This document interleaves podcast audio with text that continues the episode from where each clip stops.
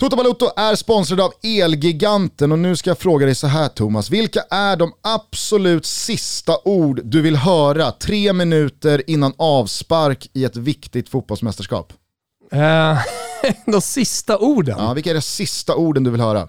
Eh, inställt. Nej, det sista du vill höra det är någon som står framme vid tvn och säger det, det är något strul här.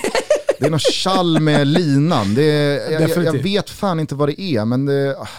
Ja, du tänker på hemmaplan, jag tänkte på liksom nerifrån pitchside så att säga. Men ja, det har man ju varit med om några gånger. Exakt. Ska någon hosta ett Ska någon hosta en get together här nu i sommar och titta på lite fotboll i en större grupp, se då till att både tvn, bilden, ljudet, nätverket, ja men allting funkar. Mm. Och gör det genom att inhandla grejerna från Elgiganten och ta hjälp hjälp av deras otroliga support och få hjälp med installationen så att ingen behöver oroa sig när det är dags för avspark. Ja, ja men det är hemleverans, det är som du säger installationshjälp och så vidare. Elgiganten, alltså Sveriges största marknadsledande återförsäljare av hemelektronik. Vi lämnade över stafettpinnen efter Tutski Balutski till Elgiganten för att fixa festen inför sommarens stekheta mästerskap. Gå in på elgiganten.se, gör er beställning där och hämta det via deras drive-in eller besök något av av Elgigantens alla varuhus runt om i Sverige. Jag kan med varm hand rekommendera Emma som är butikschef för Elgiganten vid Bromma Blocks. Aj. Älskar den butiken. Ja, men jag gillar den i Moraberg i Södertälje. Där får jag alltid hjälp med precis allting jag behöver. Oavsett om det handlar om att fixa ljudet eller fixa bilden.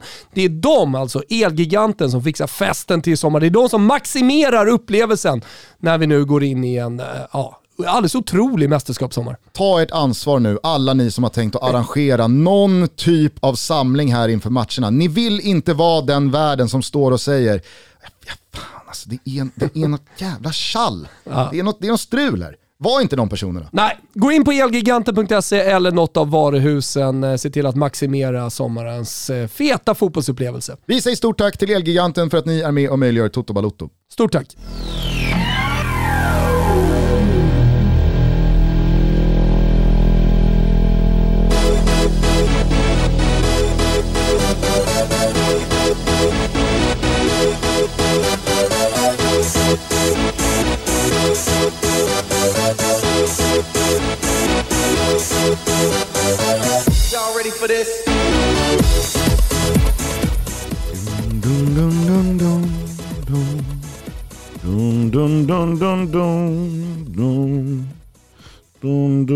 Dun, dun. Ögge Kihlström gör det Ögge Kihlström gör bäst. Vinner Elitloppet. Ja. Du kanske hör på min röst att jag är lite, lite körd. Ja, nej men, Eh, det, det, det, är väl det skönaste med att inte dricka. Eh, de här dagarna efter Elitloppet, där man eh, avundsjukt tittar på det, sitta på någon terrass och, och ha trevligt och sen går man upp med studs i dojan så här en, en, en måndag morgon. Men vet du, det gör jag också eftersom Don Fanucci sett korsade mållinjen snabbast och då bidrog med ett litet rassel ja. på kontot. Ja, men du var inte ensam. Vi säger stort tack till Betsson för att ni gjorde bort er. Bjussade på sköna odds.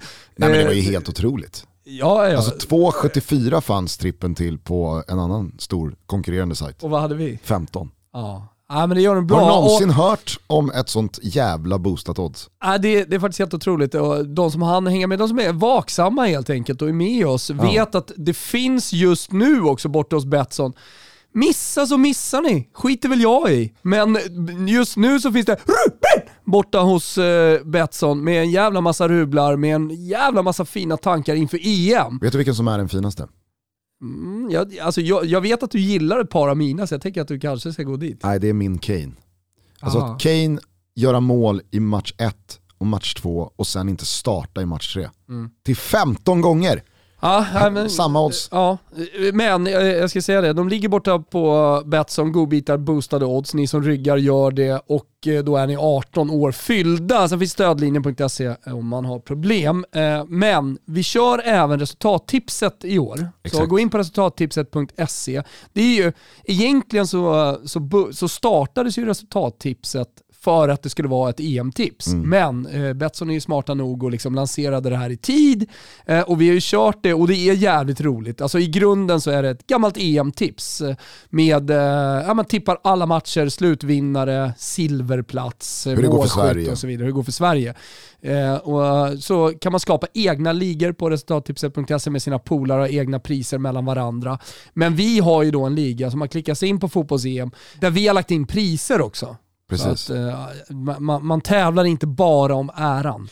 Vi skulle inte fastna i detta. Eh, Jag gör som Thomas och säger bara tack till Betsson för att ni var så oerhört generösa med de här oddsen. Det var väldigt roligt att eh, vi satte då de tre hästarna från första försöket till final och sen så sprang Dom Fanucci set och vann allting. Och då kunde man klicka in 11 gånger pengarna på, på det. spelet, så det var jävligt roligt. Jag är som sagt lite, lite trött i korken idag. Eh, Det var en väldigt rolig Elitloppsdag igår. Eh, Men vi är inte här för att prata trav eller prata Örjan Kihlström. Vi är här för att prata om fotboll. Det är det Exakt. Toto Balotto gör bäst. Och det var ju faktiskt så att det var en Champions League-final i lördags. Ska vi säga någonting om att Olof Lund kommer hit? eller? Ja, eh, Olof Lund ramlar in i Du avsnittet. sitter där och yrar om Don Fanuccis sätt. 99% av alla som lyssnar på den här podden skiter fullständigt i. Men eh, Olof Lund dundrar in i studion strax. Olof kommer om ungefär en halvtimme. Eh, ska vi ta ner första veckan av eh, EM-samlingen och landslaget. Status efter Finlandsmatchen, prata om den, prata om hans intryck. Vilka energier Mm. som fanns i luften i Båstad. För vi går idag in i en liten EM-bubbla. Vi har ju vi varit inne i den ganska länge, du och jag, men jag tänker att alla lyssnare också går in i en EM-bubbla med bara, ja men det är ju mindre än två veckor till premiär, eh, vi eh, tränings, eh, eh genrepar i helgen, eh, alltså mer och mer kommer man liksom komma in i det här mästerskapet och känslan är, när jag såg en bild på Twitter med en snubbe som har legat och solat eh, och då skapat sig nummer 11 Isak på ryggen med solbrännan, att så här, nu börjar det. Det där var liksom mitt startskott på att vi är nära eh, EM. Ja. Jo, det jag skulle säga med det är ju att eh, Johan Kücükaslan kommer också på, på onsdag. Precis. Så eh, han är också då SVTs utsända, han är väl någon slags eh, Olof Lund-motsvarighet eller? Ah, de kanske jobbar med olika saker. Men reporter i alla fall nere i Båstad och har gjort ett jävligt fint rep med Dejan, Albin och några eh, som vi bland annat ska prata om. Men då, landslagsfokus eh, fokus den här veckan med Lund och med Kücükaslan. Magkänslan säger att Olof är lite vassare än eh, Johan på att bena ut bokslut och årsredovisningar. Ja, Johan är ju framförallt en intervjuande reporter. Han Exakt. har ju varit runt världen, det måste vi prata med honom om också. Ja. Intervjuat eh, sto- stora idrottsmän och kvinnor. Det blir skitkul. Men som sagt, Olof lite senare i det här avsnittet. Nu tar vi oss tillbaka till lördagen då alltså Chelsea vann Champions League och Thomas Tuchel fick kröna den här otroliga våren han har haft sedan han red in i London och tog över det bygget som i december någonstans, där eh, allting såg som mörkast ut, var, jag, jag vet inte ens var Chelsea var då. Det var, det var, det var en helt hopplöst brokig skara dyra spelare. Och Ja. Frank Lampard som var på väg ut, alla såg att det såg skit ut. Supportrarna hade dock ett jävla känslokval i och med att det var just Frank Lampard, så det var liksom inte bara skicka den här skiten nu och börja om. Nej. Tryck på liksom rewind och så gör vi något nytt här. Det var så oerhört märklig tid Chelsea var inne i. Mm. Och så blev det liksom det här av det. Ja men det var, det var väl eh, lite av ett misslyckat projekt. Eh, man, man sågade de tyska nyförvärven, eh, de andra, alltså den här satsningen på unga spelare som Chelsea-supporterna trots allt hela tiden uppade. Och jag menar, uppenbarligen så gjorde ju Frank Lampard någonting bra. Alltså, han Ja, fick ja. ju spelare att debutera och sånt där. kan man glömma bort lite med just tränare när man bara räknar Eh, slutresultat i, i en liga. Eh, som Mihailovic i Milan som eh, lät en eh, 16-årig Gigi Donnarumma debutera. Kolla på skuffet liksom. Eh, som har en annan målvakt som debuterade tidigt men som hamnade kanske lite fel med tränare och så vidare. Det blev ingenting av honom. Otroligt att du hamnar i skuffet en minut in i Champions League-finalsnacket. Ja, men jag, tycker, jag, tycker, jag, jag personligen tycker att det är oerhört relevant och en oerhört skarp spaning i just det här med Lampard. För att det han har gjort är att han har, han har fått spela att debutera, fått spela att utvecklas och att växa i Chelsea. Sen eh, kanske inte det då i en förlängning funkar i en storklubb, men det han gjorde när han var där var ju faktiskt att lägga någon slags grund också. Sen, sen får väl folk värdera hur mycket de vill liksom vara vad det var i detta Chelsea som vann. Eh, jag, jag tycker ju personligen liksom att det är Torshälls titel, men jag vill, jag vill heller inte glömma bort sådana saker. Nej, nej, och det tyckte jag väldigt många var liksom väldigt tydliga med, eh, även inifrån laget, att det här är också Frank Lampards titel. Supportrarna Ja, men det där kan också Ja, vara lite... men är det- du med? Det är lätt i stunden att hylla Frank Exakt. Lampard där, men jag tyckte det var väldigt fint att Chelsea-supportrarna runt Dragao också sjöng Lampards namn och inte ville liksom negligera hans roll i den här titeln. Men det verkar vi i alla fall vara överens om. Oavsett hur mycket Lampard la någon slags grund så var det ju en usväng av Guds nåde Ah, ja. som Chelsea tog i vintras när Tuchel kom. Och så som det har sett ut, det är ju inte någon stolpe in flaxvinst här i den här turneringen, utan man tar ju Atletico Madrid till skolan.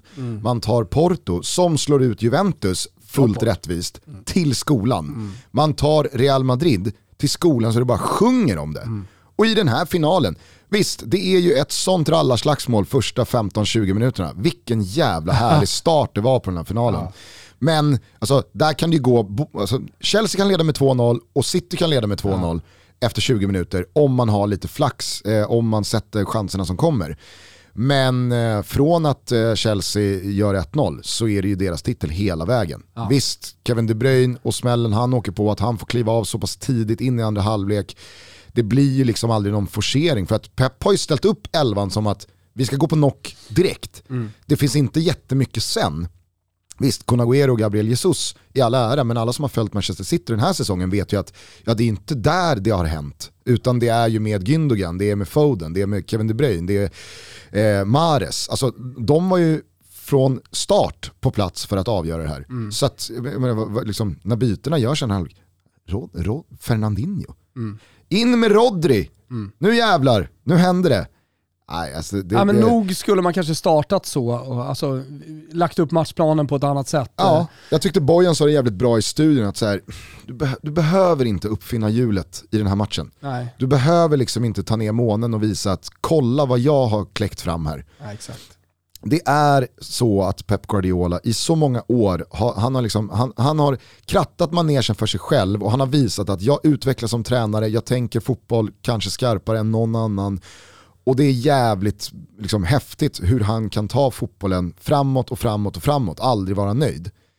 Men det som har funkat så bra, hela, alltså, de, de slog ut PSG i semin med att vara jätte, jättebra. Ska, den in, ska, du, ska du inte bara ställa ut det laget i finalen? Ja. Varför flyttar du på en sån liksom konstant del av laget till finalen? Nej, jag, jag, jag, jag, håller med, jag tycker han spelar bort sig. Alltså, vi, vi körde ju tipslördag, eh, Champions League edition i, i lördag, så man såg den där, man, man såg, man såg startelvan tänkte man, nu går han på knock, var Exakt. första tanken. Att, eh, Ska stå han på 3-0 knock. här problemet, problemet är ju att han möter Chelsea. Ja. Alltså det, det, det, de klarade ju av pressen alldeles för bra. Chelsea klarar ju av Manchester Citys press galant. Ja. Och det är det som det är det Pep inte har räknat med. Nej. Och är det någon spelare du behöver mot ett lag som uppenbarligen är bekväma i att stå ganska lågt, ha spelet framför sig och tillåta motståndarna rulla bollen, ja men då är det Kevin De Bruyne. Det är den spelaren som liksom, du inte vill ska ha bollen 30 meter från mål. För han har passningen, han har skottet, han har liksom det här Okej, här står en köttmur, vi driver igen, ge mig bollen igen, jag sätter ut den till höger, jag får tillbaka, jag sätter ut den till vänster. De kommer flytta på sig, till slut kommer luckan, till slut kommer ögonblicket då jag kommer ta in den här. Men när Kevin De Bruyne försvinner, Ja. ja men då står ju bara Mares, Foden, Gündogan, eh, Fernandinho kommer in, alltså, de står ju bara och byter boll med varandra. För det är ingen som har den här nyckeln i nyckelknippan. Kyle Walker försöker ju dundra på så det bara visslar om det där ute till höger. Men det finns, alltså så här, jaha, dina långa inkast, dina inlägg, vem ska de till? Mm. Kun Agüero har väl inte gått upp och liksom bombat in en nick på flera år. är Gabriel som- Jesus, ja men han är, jätte, han är jättebra i de, i de små ytorna när man liksom möter lag som Newcastle eller Fulham eller eh, vilka det nu är, hemma på Etihad och det bara ska trillas boll liksom. Men han tar inte, liksom, han tar inte Antonio Rydiger och liksom tar honom till vänster, brottar ner eh, Aspilicueta, ställer sig på första ytan och bombar in någonting. Men, Händer men, liksom ingenting där. det, det, Chelsea vinner så jävla kontrollerat i andra halvlek. Exakt. Fan vad imponerande. Ja, men de, stä- de stänger ju djupet helt och det är jävligt svårt att spela fotboll eh, och anfalla utan djup.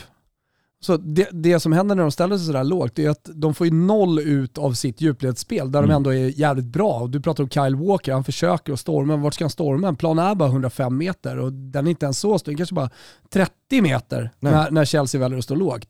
Ja, men då, då, då måste man hitta ett annat sätt.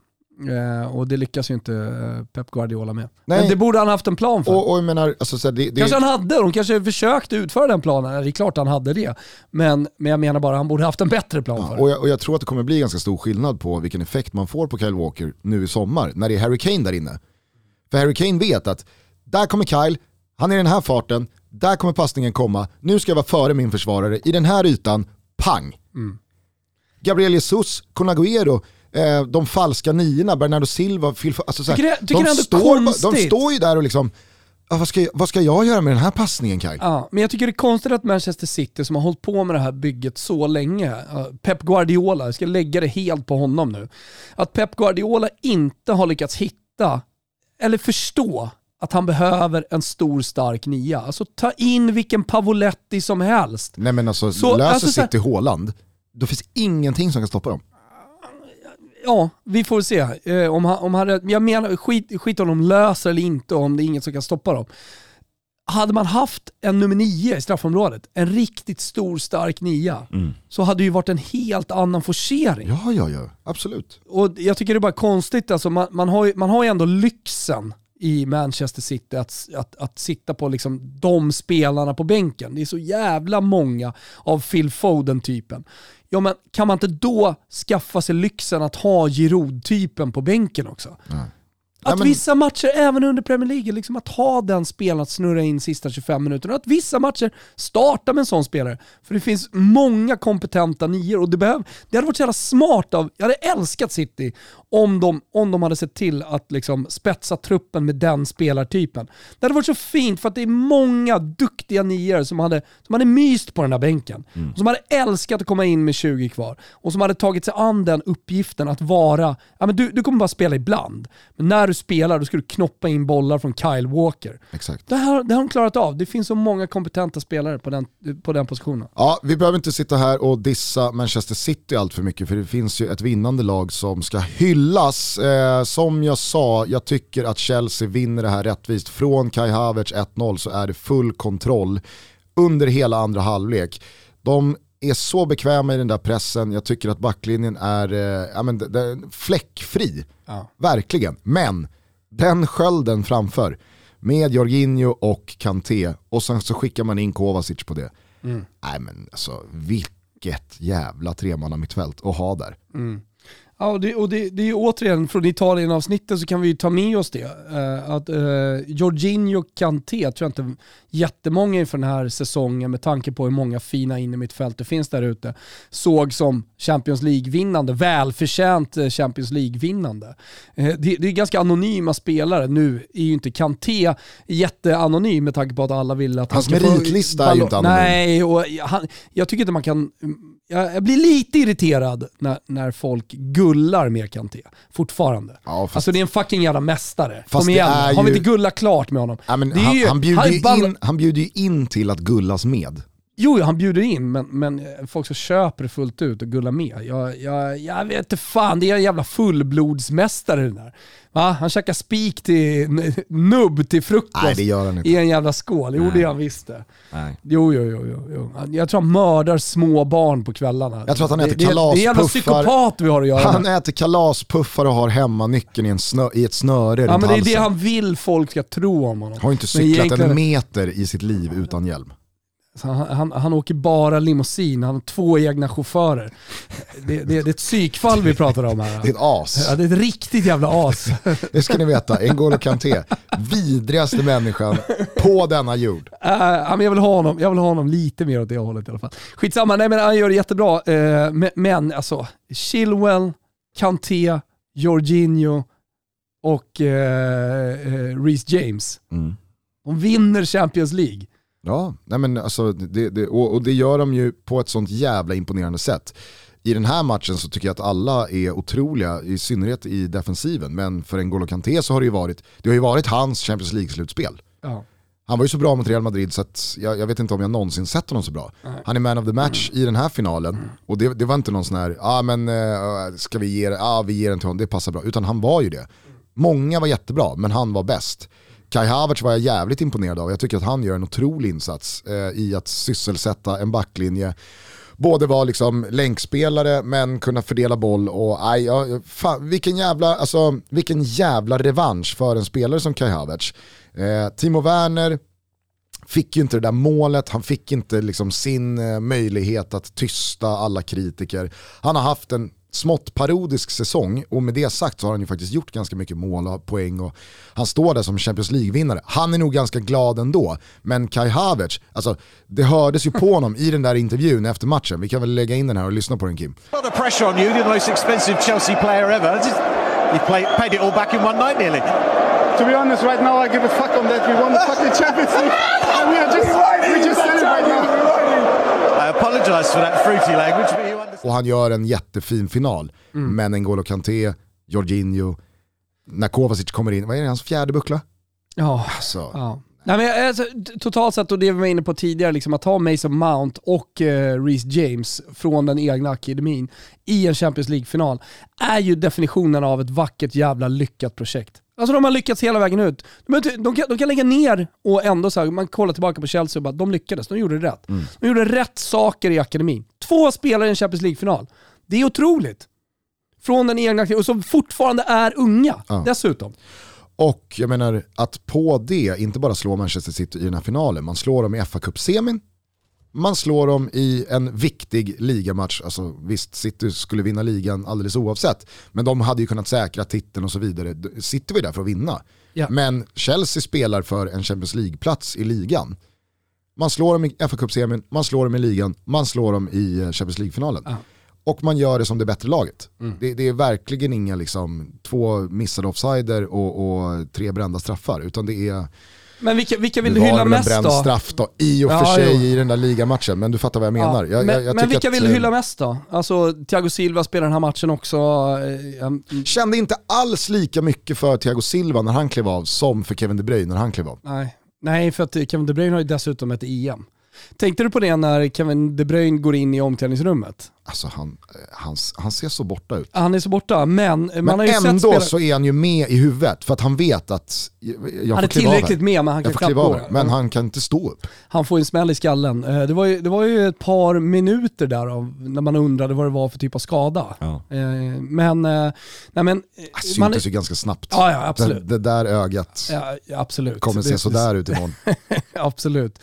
Eh, Men det, var ju, det är ju ingen fara för EM. Eventuellt då premiär beroende på hur kraftig hjärnskakningen är, om man ska gå järntrappa och så vidare. Men Exakt. såg någon hockeyspelare här eh, alldeles nyligen eh, åka på en sån jävla kyss alltså, så man trodde att han aldrig mer skulle resa sig. Typ varianten som Raúl Jiménez åkte på, visserligen med hjälm då. Hur går det för Tre Kronor? Ja, de vann igår Slog mot vi Storbritannien? eh, Storbritannien, slog Slovakien igår. Oh. Allt lever fortfarande. Oj, oj, oj. Framförallt så lever ju hockey-torsdag. Alltså jag, Dick eh, Axelsson och Fimpen ska ju köra hockey-torsdag till eh, hösten. Men vi har sagt det, blir det semifinal, då, då kliver vi in och gör, eh, gör liksom en punktinsats för Sverige. Det jag skulle säga var att man har Det är sett så spelare... jävla hockey-VM måste jag säga. Det enda man har nåtts av det är att vi har torskat mot Danmark, vi har torskat mot Belarus, vi hade problem att brotta ner Storbritannien, alltså, och de åker väl runt i jeans. Det är liksom min bild av Storbritanniens hockeylandslag. Ja, men vet du vad de gör? De Och sen- åker- och sen- jeans instoppade i grillen. Exakt, Det det men vi pratar fortfarande semifinal. de det- åker på lädret. Det är så ovärdigt i liksom, turneringsupplägg. Att ett sånt lag, Hockeyhjälmen sitter dåligt. ja, ja, ryggsäck på. Ja, Ja, exakt. Ja, men Men, ett, ett, ett, ett sånt lag kan fortfarande spela semifinal. nej, det kan de inte. Du, nej men, Sverige pratar jag om. Jaha. Jag säger, det som har nått mig det är att vi har torskat mot Danmark, vi har torskat mot Belarus, vi har problem med Storbritannien. Ändå så är vi tydligen på väg att spela semifinal i hockey-VM. Ja. Alltså det, det, är sånt, det är sånt skämt till Ja, turneringsupplägg. det, det är ju, det är ju färre lag liksom. vi ska, vara, hockey, vi, ska, ja, men vi ska vara ute, vi ska ju vara ute för en vecka sedan. Ja, kan man tycka. Hur som helst, tillbaka till Kevin De Bruyne. Ja så eh, har man ju sett då folk linka av med eh, bandagerat eh, lår med någon slags tryck på knä och liksom med haltandes av för foten. Och så då, då är det någon slags bandage också, så ofta något, något slags bandage. Men Kevin De Bruyne han lämnar planen med en handduk runt axlarna, eller över axlarna. Det har man inte sett. Nej. Och är det, är det då det nya om du åkt på en hjärnskakning? Du, du, du, han hade dem bara lite, lite så löst ledigt över axlarna, lämnade han planen. Det bara, rolig, be, rolig är den ju inte, det är ju synd om honom. Men, Ja. men, Nej, men, eh, men just så handduk över axlarna. Så, så Som en hjärnskakning. Var som en boxare. ja. Och han hade ju liksom det här Rocky Balboa igenmurat öga. Ja. Fan, alltså det måste, det måste verkligen vara det absolut pissigaste sättet att förlora en Champions League-final. Att som den spelare som kan göra mest skillnad och som vet det själv, att det är jag som kan göra den största skillnaden här för mitt lag. De behöver mig, jag vill vara på den här plan. Nej, men jag fick en axel i ögat och nu är det igenmurat och jag är groggy och jag måste kliva av. Usch, Ja. usch, usch, usch. usch. Toto Balotto är sponsrade av Gillette. Vi har nu i en månads tid eh, lyft fram och hyllat deras one-stop shop King C Gillette genom att rikta oss direkt till ett gäng EM-spelare och komma med konkreta råd med vad de bör göra av sin ansiktsbehåring. alltså det, är, det är superråd. Va? Det är bara att ratta in eh, Toto och Tutski för de här killarna eh, och, och, och följa råden. Jag, jag har en på gång här idag Gustav. Mm, vissa ska ha skägg, vissa vet inte om att de inte ska ha skägg, vissa borde testa en liten pröjsare. Idag så ska vi prata om Gigi Donnarumma, Italiens förvisso väldigt erfarna målvakt, men också lätt att glömma, väldigt, väldigt unga målvakt. Ja, men jag, jag, jag tror att det är så genomgående i världen, att man lätt kan fastna i en slags så skägg... eh, Ja, man, man har ett skägg och så tror man att det där är någonting jag ska ha hela livet. Det, det är viktigt att man faktiskt testar sig fram och att man testar någonting nytt hela tiden. Du pratade om eh, De Ligt till exempel, han behövde raka. Han, han, han ska se ut som en pojke för han är en pojke. Han är inte där han vill vara än med Nej. sitt skägg. Och sen kan det också vara sådär när man växer upp innan man får ett eh, liksom, tydligt helskägg, att det växer på ett ställe eller man kanske får en stark mustasch men du får dålig eh, kindskägg. Ja, men då är det viktigt att liksom, omfamna i så fall då mustaschen. Och i det här fallet så, eh, så riktar jag blickarna mot Italien och eh, Italiens målvakt Gigi Donnarumma. Precis, för att han har ju hamnat i fällan av att det finns en hel del skägg, Ja. men kanske inte på stället där Donnarumma själv vill ha skägg, men han tänker att han kan lura en hel omvärld. Han vill vara en skäggkille, men problemet är att det växer bara under hakan och på halsen. Och så tror han att han har hel, helskägg när han har det på sig. Men han har ju inte det. Utan det ser ju för jävligt ut Gigi Donnarumma. Det är bara ta fram King C Gillettes beard trimmer, ta bort det där och sen ser du till att du rakar rejält kal där under hakan med double edge razor eller shaving edge razor. Eller hur? Jag själv kör ju neckracer. Ja, den går bra Den är riktigt också. bra också. Mm. Ja, men det, det, det, det är vilket som. Va? Eh, Det viktiga här är att Donnarumma inser att det där funkar inte längre. Jag tänker en Walter Senga-look, om jag nu ska konsulta hela vägen. Spara ut håret långt om du har något speciellt. Spara lilla tangomuschen för det klarar han av. Se vad som händer, men ta bort det där under hakan, snälla rara gubben. Ett tips är väl att ta bort en del i taget. Så kan man ju testa sig fram. Så kan man testa sig fram. Han har ju trots allt en samling med Italien eh, på sig. Exakt. Gigi Donnarumma, lyssna på vårt råd. Och gör det verkligen nu för att från och med idag, alltså den 31 maj, till och med den 7 juni så är det 20% rabatt på utvalda King C Gillette-produkter hos apotea.se. Donnarumma, fatti la barba och gå in på apotea.se. Vi säger stort tack till Gillette för att ni är med och möjliggör Toto Balotto. Stort tack. Eh, men eh, det om Champions League-finalen, ju, eller? jag, ja, men jag ville ju på något sätt få dig liksom att lyfta fram tre spelare som tycker sticker ut här Nej, men i Cesar. Aspilicueta eh, måste jag säga att jag, jag, jag gladdes oerhört med när han lyfte den där pokalen. För att det är få spelare som har varit så, alltså han är ju det moderna Chelseas Branislav Ivanovic. Den här konstanten ute till höger som är så jävla användbar, som är så lo- laglojal, som jobbar så hårt, som aldrig gnäller, som känns som en spelare som hela truppen uppskattar. Eh, och ja, men det, det finns liksom ingenting negativt att säga om honom som spelare överhuvudtaget. Verkar vara en otroligt fin person också, lagkapten. Och han har inte haft något problem med att Thiago Silva kommer in, att det värvas in dyra spelare på Han har bara gnuggat på. eh, men, exakt. Han gnuggar på, han spelar eh, som en av tre mittbackar, han går ut till höger, han funkar i en femma, han funkar i en trea, han funkar i en fyrbackslinje. Äh, så, så jävla värdigt att Cesar Aspilicueta får lyfta den här pokalen, för att han har verkligen varit med i många olika Chelsea. Alltså han har varit med i Mourinhos Chelsea, han har varit med i Contes Chelsea, han har varit med i Sarris Chelsea, han har varit med i Lampards Chelsea, han har varit med i Tuchels Chelsea. Jag kanske glömmer någon, men du fattar vart jag vill komma. Alltså, ha- han är ju den spelare som för mig är mest Chelsea. Och, Ja, jag då, då, då, och, och då är det säkert jättemånga Chelsea-supportrar, eller andra som Mason Mount, Chelsea, through and through och Reece James och hela alltså det gänget. Mm. Ja, fast nej. Aspilicueta har varit med så pass länge, gjort det så pass bra och varit en sån jävla liksom, ja men, oerhört sympatisk spelare på alla sätt och vis. Att man unnar honom allt gott.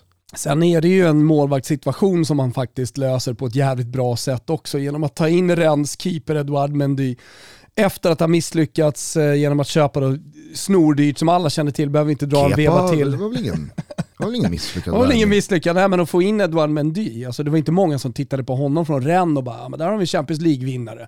fanns ju några man valde framför. Mm. Men gör det ju också bra. Alltså, och Chelsea gör det bra genom att hitta honom menar jag. Ja men, men det har ju varit eh, alltså, långa perioder otroligt bra. Mm. Jag tycker att han är, han är ju säkerheten själv den här eh, matchen. Återigen då så är det helheten. Alltså, du måste få till helheten. Du Ja. måste sätta akademin, du måste sätta sportcheferiet och hitta den spetsen som gör skillnad i den här typen av matcher. Och att Kai Havertz kommer in, är så ifrågasatt under så, långa tid, un- under så lång tid som han är och sen ändå få vara med och sätta avtryck i den här finalen är ju också någonstans beviset som vi ska ta med oss in att man måste ha tålamod med nya spelare in i Premier League eller vilken liga det nu än gäller. Tålamod med, med unga spelare. Kanske är det det som talar för, för att Timo Werner faktiskt är spelaren som ska göra för Chelsea nästa säsong. Alltså för där, där, där måste de nog ändå tänka till lite. Ja. Eh, så ja, om de bestämmer sig för honom, ja men då bestämmer de sig för honom, men då får de jobba vidare liksom. Eh, Det är en gång eh, Mendy är helt eh, bortspelad. Det är när Mares skjuter bollen på uppstuds där. ja. Alltså, eh, där är det verkligen bara knipa skinken och hoppas. Hoppas inte den här går in. Nej, Hoppas vet- inte vet den det här är? går under Vet ribban, för jag är inte ens på väg ditåt. Det är målvaktsöga. Nej det är det Det är målvaktsöga, Nej, nej, nej, nej, nej, nej. högsta klassens målvaktsöga. Titta bort den bollen. Det är Tiden- det Astrid säger i er studio. Han ögar bollen. Tiden fryser och så hoppas han bara. Det är exakt vad Jag säger att det är eh, målvaktsöga på Mendy. Ah, nej men eh, ja, ja, alltså, vi har väl lyft fram då eh, Kanté, svinet N'Golo Kanté. Ja, men han är otrolig. Många som vill eh, skicka Ballon d'Or på posten till honom. Ja, alltså säg så här, skulle han, skulle han vara med och starkt bidra, vilket han då givetvis kommer göra ifall Frankrike vinner EM, ja, då, är det ju, då, då, då är det svårt att bolla upp någon som spontant liksom, är, är mer meritmässigt befogad att liksom, nämnas. Ja. Sen kommer det alltid handla om eh, liksom, poängproduktion, målproduktion. Det är därför Cristiano Ronaldo och Lionel Messi alltid är i en egen liga. Man pratar om Robert Lewandowski som liksom, den välförtjänta Ballon d'Or-vinnaren för att han gör så mycket mål som han gör. Det finns vattenbärare och det finns laglojala Kanté och Aspilicueta-typer som är otroliga och som gör stor skillnad. Men de där individuella priserna kommer alltid handla om, i mångt och mycket, vem är, vem är bäst på att göra mål? För det är det fotboll handlar om i slutändan. Ja, men. Eh, men eh, nej, Kanté har väl, eh, han har väl satt sig i en jävla fin position för att faktiskt lyfta Ballon d'Or. Exakt. Om nu Frankrike skulle gå och vinna. Och skulle Frankrike gå och vinna EM, ja men då kommer ju Kanté givetvis ha spelat en oerhört stor roll i det. Exakt. Eh, och jag gillar att vi i Tutski Balutski avsnittet eh, inte lyfter fram då Mbappé eller Pogba eller Griezmann eller Som MVP. som MVP, utan det finns en MVP här och det är N'Golo Kanté. Ja. Med honom, ja, men då, då tror inte jag att Chelsea eller Frankrike räds någonting. Och du minns MVP i Italien också. Jorginho, Mm. jajamän. Höjde ni på ögonbrynen. Ja men det gjorde ni, det minns jag. Så är det. Det är minst. Det har du skrivit upp Ja, i din lilla här, svarta står bok. Det, här står det. Det har du skrivit upp i din lilla svarta bok. Ögonbrynen höjs i Italien-avsnittet. Hörde Ja. du, eh, det om Champions League-finalen eller? Jajamensan. Nu försöker jag avsluta den en andra gång. Vill du säga någonting om Svenska Cupen-finalen? Jag gjorde ju misstaget, ja, jag gjorde misstaget igår att skriva på Twitter att det är så jävla Bajen att mitt i den här våren, Kindlund avgår med allt vad det liksom handlade om. Eh, Det har varit rykten om att Stefan Billborn ska få gå alldeles oavsett hur det går i cupfinalen hela den här långa veckan. Det har varit klappusla insatser här, det har varit poäng och liksom ändå häng på toppen där. Men det har varit liksom, ja men det har, det har bara stormat om Bayern. Och så på det går man och slår Djurgården i semifinalen och sen så vinner man kuppen. Tar klubbens andra titel i historien. Och det för mig är liksom så här, det är där jag vill ha Bayern. De ska vara oberäkneliga, de ska bjuda på liksom superbombningar här och där. De kan åka ut. De kan... Helst torska kuppen. Nej, men, alltså så här, för att det ska finnas sådana här stunder med Bayern så måste det också finnas de här Kalmar-matcherna. Eh, De, de åker ur. De, de misslyckas på något sätt med någonting som alla förväntar sig att de ska göra. Du fattar vad jag menar? Alltså, sen så förstår jag att folk som håller på Djurgården, folk som håller på AIK, eller folk som på något annat eh, klubbrivaliserande sätt inte önskar någonting gott kring Bayern eller att liksom så här, det är så jävla Bayern att vinna. Nej men det är inte det jag menar att det är så jävla Bayern att vinna en titel. För jag, jag har varit med om precis lika få titlar eh, kring Hammarby som alla andra. De har vunnit ett guld 2001, det är 20 år sedan. Jag vet, men för mig är det Bayern att liksom mitt i den här stunden, ja men då karvar de fram en titel. Ja. Och i fjol när de bara liksom, så så här, när, när, när vi alla satt och pratade om Bayern med målrekord och nu, nu kom, men det, är- det är så jävla Bayern då, ingenting stämmer. Nej. Nej, det är, det, är, det är konstgräs och vi är feltränade och det är naturgräs och det är, nej men värvningar, vi saknar Nej, nej. Det var, det, var, liksom, det var Hammarby i fjol. Ja. Och det här var Hammarby för mig. Ja. Grattis Bayern, jävligt kul. Ni är precis det jag vill ha. Oberäkneliga, härliga Bayern. Ja. Det svänger om Bayern. Exakt så. Ja. Nej, jag, jag tänkte bara på, jag tyckte Andreas Alm hade, jag, jag misstänker att du missade den i Elitloppsyra, men han eh, höll en presskonferens som jag tycker var jävligt bra. Eh, kan vi lyssna på. Det är Det är ju jäkligt konstigt att vara i den situationen. För att man jobbar för en förening eller ett bolag eller vad man jobbar så kommer det människor från andra företag och säger åt en att du kommer få sparken. Det kommer någon från Sportbladet AB eller det kommer någon från annat. Det är en jättekonstig grej. Att det kommer folk in på ditt jobb och säger du kommer få sparken här. Eh, Någonstans ska jag känna att de som skriver det borde också, man borde någon form av motprestation. Så om det inte stämmer så borde den få sparken kanske. Det är det. Jag tycker att, också, jag tycker att Stefan har också varit ganska tydlig i sina svar. Jag följer det. Jag följer med intresse när, när folk börjar jagas. Eh, och jag tycker vi tränare kan stå upp, eh, precis som Stefan har gjort, ganska så mycket. Eh, för att det är ändå till slut så är det ideella människor som ska fatta ett beslut, ofta. De sitter i en styrelse som har det slutgiltiga beslutet och då kan man inte ha tränare som flackar med blicken utan vi har fått göra ett jobb. Uh, uppenbarligen så eh, gör Stefan ett jävla bra jobb. Så att eh, det är där man är. Ja, men jag tycker att Andreas Alm verkligen har en poäng här. då. Att någon kommer in utifrån och, och berättar hur det ligger till och sen får man, jag, jag tycker att eh, Flink eh, är det väl på Aftonbladet inte får stå upp för alla fel han har haft eh, och det är ofta han har fel. Eh, jag tycker inte att man, eh, man kan lita på sina källor på det sättet som eh, han, jag måste ju se över sina källor för det här är ju uppenbarligen agentplanterat av en specifik agent. Och att, att en journalist då inte dubbel, trippelkollar och att ansvarig utgivare verkligen släpper igenom en sån nyhet, ja, men det tycker jag är för dåligt. Och jag tycker det är jävligt bra sagt av Alm. Vi, eh, jag fick faktiskt hålla i eh, blombuketten som Andreas Alm tackades av med. Den hamnade på vår Elitloppsfest. Kan jag säga. Ja. Så Jag får ska väl folk- fråga mer. Får väl folk Misstänka tänka att Fribben hur kom den efter den hamnade finalen. där. Ja. Ah, ja. Du, eh, Olof Lund eh, står och trampar utanför. Jag såg honom nyss eh, komma med, eller jag såg en cykelhjälm swisha förbi. Eh, Var det Kanté? Kanté? Ja, nej, Olof är på gång. Eh, då, då kanske vi bara snabbt, innan Olof kliver in och eh, pratar landslaget och Sverige, ska bara ta en liten uppdatering kring tränarcirkusen i Aha, Italien. Det vill du ja. För jävlar i min lilla låda vad oväntat det var att Simone Inzaghi hamnade i Inter. Ja. Vi sa ju det i senaste avsnittet att bra move av Lazio. Kanske ett litet Mm. Sämre det- det var- beslut av Inzaghi. Ja, ja nej men exakt. Är det någon gång han ska ta någon av de stora randiga gängen så är det ju nu. Exakt. Nej, men eh, förslaget från Inter kom väl ett par timmar, eller de hade väl kanske till och med en sittning när vi pratade. Alltså Lazio försökte ju göra movet att, eh, att eh, låsa honom och att signa det där kontraktet så fort de bara kunde. Men det gjorde Lite som de väl? Fi- Nej, de hann inte. Det var aldrig? Nej, det var Ah, muntligt okej. okej. Jag- liksom för det var ju sån jävla kommunikation där på, var det fredagsmorgonen vi ja, spelade in? ja, men det var aldrig signat. Aha, okej, okej. Nej. Ja. Utan det var, det var väl en tid, jag tror att det var så att det var en tid bokad, typ 15.00 när kontraktet skulle signas och, och liksom fotografer var på plats. Så att allting var förberett. Ja. Då kommer Inter in från höger och eh, snor honom. Eh, han går till Inter, sen tidigare Max Allegri klar för Juve. ja, fast det var inte klart eh, när vi spelade in senast. nu, att- nu klar. Ivan Juric till Toro. Minnesota. Det var ju så Juventus kommunicerade ut att Allegri var klar. Bara en bild på Minnesotas eh, statgräns. Mm. Och så fick folk liksom så här, alltså de som fattade fattade. Men ska, vill du, kan du den eller? Ja, eh, jag kan storyn eh, om att Max Allegri en gång i tiden ville spela på en häst som hette Minnesota.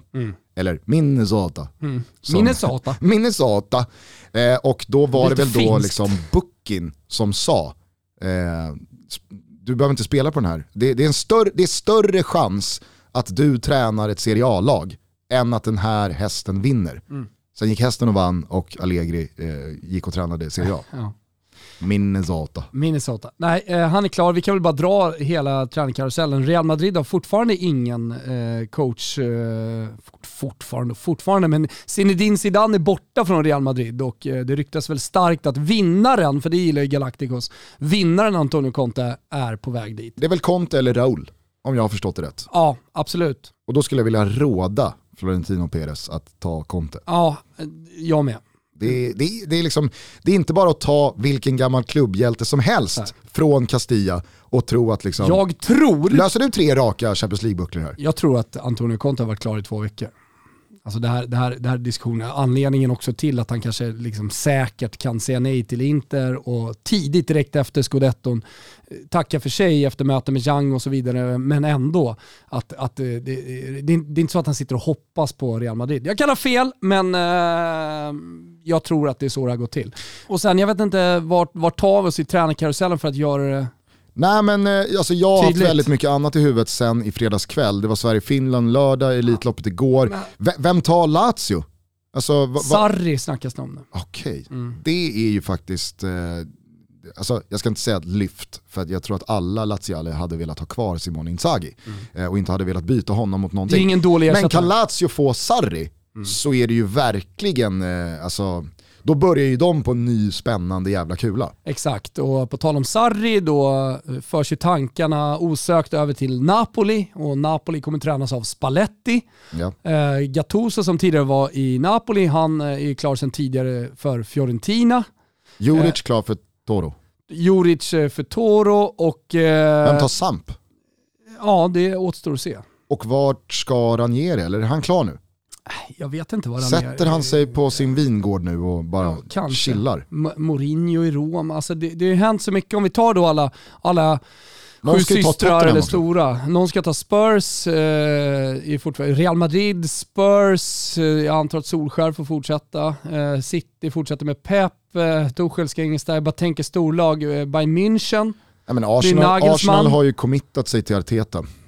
Arsenal har Bayern tar ju sig. Nagelsmann, Flick tar Tyskland. Så där, Ja. det, PS någon, någon, någon ska ta PS Leipzig. PSG har gjort sitt redan under säsongen, någon ska ta Leipzig. Men eh, det, det, där det har hänt mest i Italien, man tar alla stora lag. Juventus, Inter, Roma, Lazio, Napoli.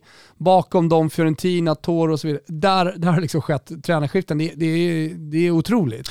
Men, Milan eh, kvar då med Pioli. Ja, eh, får jag bara eh, för då de som sitter och lyssnar och undrar då varför Inter och Conte går skilda vägar så kanske du bara kan kort förklara det.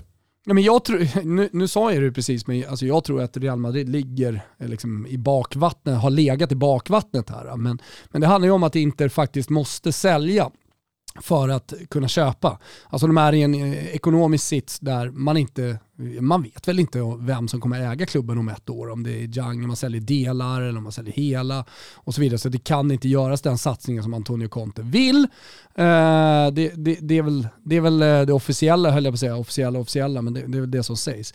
Eh, Hakimi Ha- till PSG exakt. bollades upp va? Hakimi bollas upp till PSG och, och det, det, ja, ja, alltså det, det är ganska klart att eh, Inter kommer att eh, sälja honom för att använda de pengarna till att förstärka laget som sagt. Men alltså det med PSG, herregud vad jag går igång på det. Du vet att jag älskar Theo Hernandez. Ryktena säger att Theo Hernandez och Hakimi ska gå till PSG. Alltså det är ju de två snabbaste spelarna på kanterna i, i fotbollsvärlden. Alltså hur, i, hur jävla fort ska det gå på kanterna för PSG? Och så har de Mbappé också. också. Alltså vi fan ha fallskärm på dem. Danny James. Eh, eh, men, eh, alltså, jag, jag, sånt där kan jag, jag, jag kan älska sånt där. Att man tar båda de snabbaste spelarna och Ja. sätter på, på varsin kant. Men eh, till, till Milan ryktas då Rodrigo de Paul till exempel från Udinese, så det händer ju mycket just nu. Men, men som du säger, jag tror att Hakimi till exempel skulle kunna vara en sån tungan på vågen för Antonio Conte, att han väljer, att han förstår att så här, okej, vi måste göra oss av med våra Gioielli och eh, han är en av dem och då, då, vill, då vill inte jag vara med i det här projektet. Vet du vilken tränare från Waiting List Supreme som jag tycker eh, någon faktiskt borde överväga lite mer konkret än vad fallet verkar vara? Berätta. Den galet underskattade Ernesto Valverde. Ja, bra. Alltså, jag tror att skulle Valverde ta Spurs,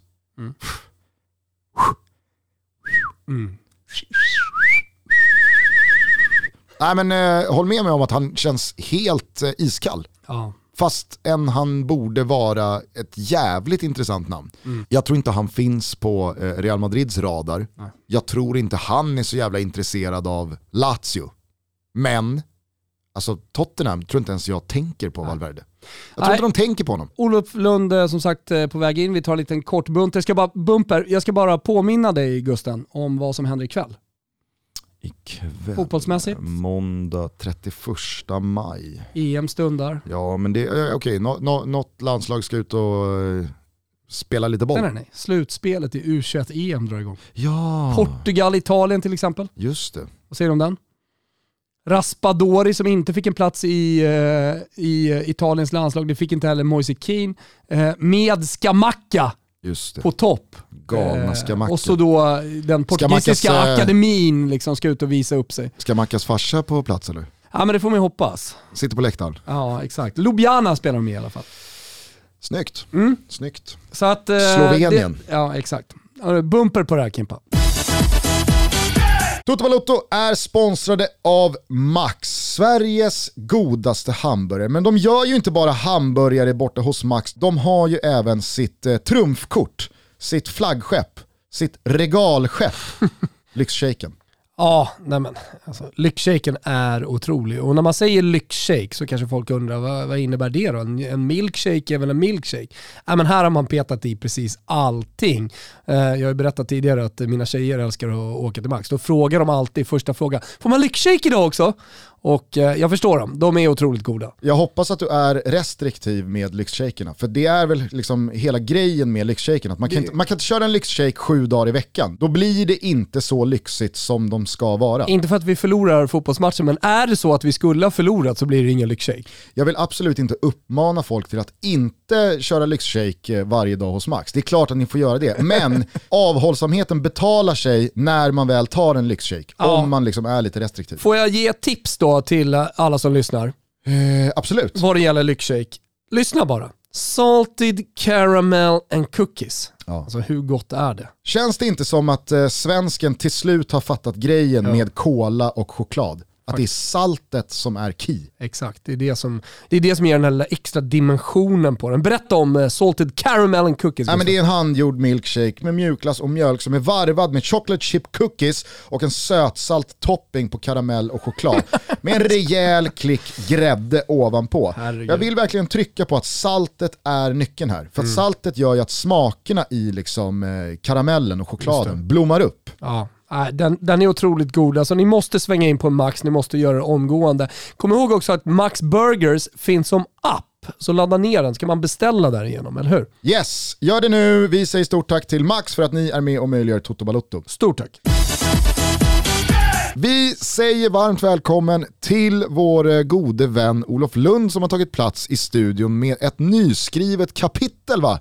Ja, absolut. Jag har eh, släpper ju min landslagsbok med ett nyskrivet kapitel inför EM. Eh, så att eh, det vill man ju pusha ut lite helt enkelt. Det kan vara perfekta EM-uppladdning om man inte har läst den i höstas. Jag kan med den varmaste rekommendationen pusha för din bok. Jag kastade mig över den girigt i höstas. Många jävla bra kapitel måste jag säga. Ja, det gläder mig att, att du uppskattade och jag, eh, jag bjuder på en liten tävling. Att om man kan mitt eh, favoritlag i England. Jag, trodde, jag, jag, jag, vet inte varför, jag, jag, vet inte varför jag fick för mig, men jag trodde du skulle säga om man kan mitt mobilnummer. Så tänkte jag, nu delar Olof ut sitt mobilnummer. Nej, om man kan mitt favoritlag i England, de som är fem eh, som är först på eran eh, Instagram, de eh, kan bara komma, ta kontakt med mig så ordnar jag utskick av signerade 5x. Ja men då, då, då, gör, då gör vi så, vi lägger ut en eh, bild på oss tillsammans och så på den bilden då på Instagram så tävlar man. Precis. Snabbast in på och rätt eh, favoritlag också. Ja Så men ja. snyggt, snyggt. Eh. Eh, Jag, är, jag är bara lite eh, nyfiken på, nu har ju du läst några kapitel, jag ska läsa den efter det här för att ladda upp inför eh, EM. Jag tycker den fun- boken funkar jävligt bra som det. Det är väldigt mycket jag min Jan och man peppar och man hänger med polare och bygger EM-häng och så vidare. Men man vill liksom fördjupa sig lite i landslaget. Vad är det som händer inuti landslaget? Så vad, kan jag se fram emot när jag ska läsa boken? Ja, men det, du kan ju se fram emot allt från hur det går till när vi bevakar eh, landslaget och eh, vi som liksom följer det och hur det har förändrats med åren. Och det är ju lite nostalgiska tillbakablickar, både medialt men även när jag var supporter eh, och reste runt och eh, stöttade Sverige. Och, eh, Man lång- stökig 94-resa bland annat. va? Precis, och eh, stökig 90-resa och eh, ett Och stö- Italien? Ja, och eh, ett par stökiga Stockholmsveckor EM 92. Eh, Oj. då, man åkte med en stor svensk flagga som det stod Landskrona Boys i det gula. Man hade ju sett eh, hur engelsmännen gjorde. Så i VM 94 körde vi även de Chiquita-bananerna och eh, lite blågula attiraljer. Ja, men det är väl du, många eh, yngre lyssnare nu som ska åka på EM, för nu öppnar de ju upp ändå. Så Ja, kan precis. hitta lite inspiration kanske därifrån. Finns det, finns det någonting om Gärdet 92? Exakt, det var det jag skulle fråga. Var det, var det nära att du dök upp där på Gärdet när det small mot engelsmännen? Nej, jag på något sätt, eh, där har jag inte...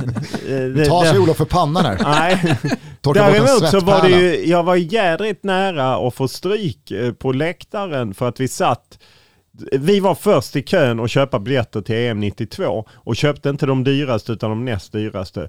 Och till EM 92 så tvingade Råsunda sätta in några jävla galler för att hålla liksom folk, det var en annan tid helt enkelt.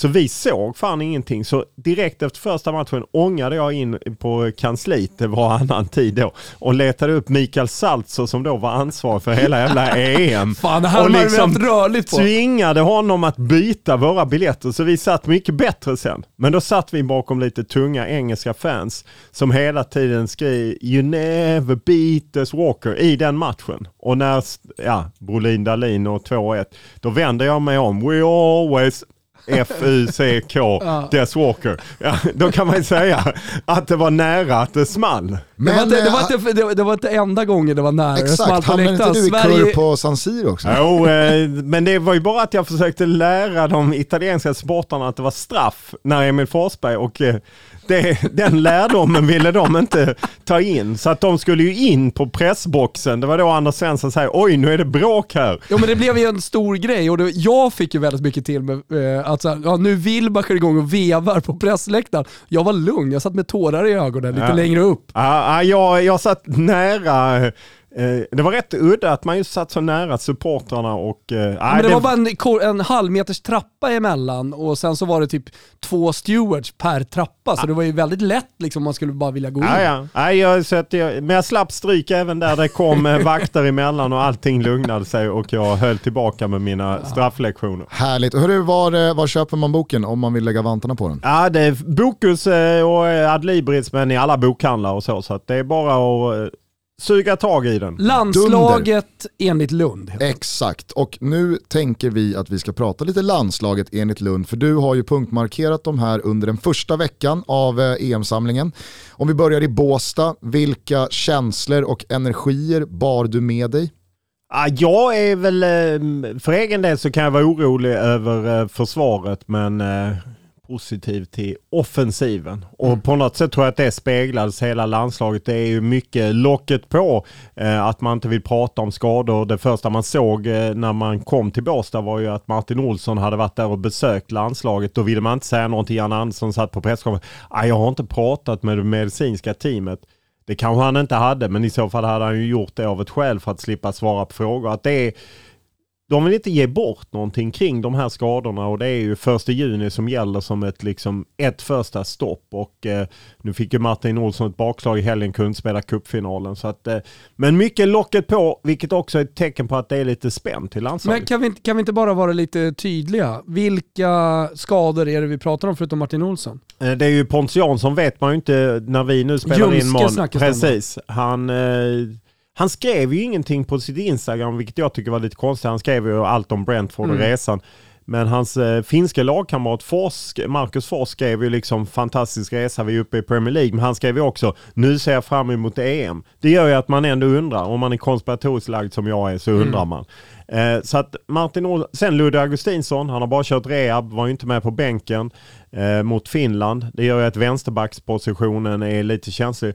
Sen Filip Helander, men han, eh, jag har podd med honom ute idag måndag och eh, jag hade kontakt eh, även igår med honom. Eh, han För att inför podden så här, är det någon Ja, uppdatering? precis, Ja. precis. Och då var allt grönt. Han Ah. ansluter, rehaben har gått bra. Men han, är ju inte, han har ju varit borta ett antal veckor. Det är ju inte så att han går rakt in i match. Så det är ju lite skadetjafs. Och sen har inte Victor Nilsson Lindelöf har inte varit med för att han spelar Europa League-final. Så att, eh, ah. Men eh, om vi bara då eh, stannar kvar i känslan du bar med dig från Båstad, var det ändå att trots alla de här skavankerna och eh, bryderierna att det ändå fanns en, en positivism och en entusiasm eller fick du känslan att ah, det, är det är lite för mycket gupp här? Ja, lite för mycket gupp är min eh, känsla. Nu ska ju alla lyssnare veta att jag är lite negativt lagd så att eh, jag hamnar ju där. Men det är klart att som Janne jämförde inför VM 2018 då var alla spelare på plats första dagen på lägret. Liksom det blev någonting annat. Nu kommer folk och går och jag menar, de kallar in eh, Jocke Nilsson och Pierre Bengtsson som fick spela mot Finland.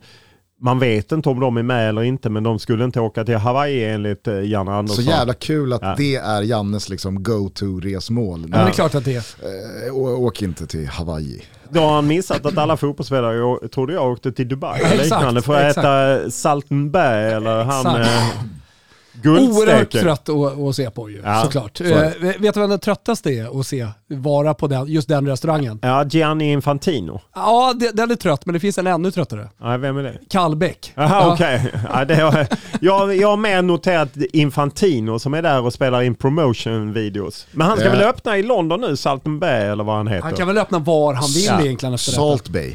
Salt Bay. Det var, det var en bl- blandning mellan Salt Bay och Saltimbocca.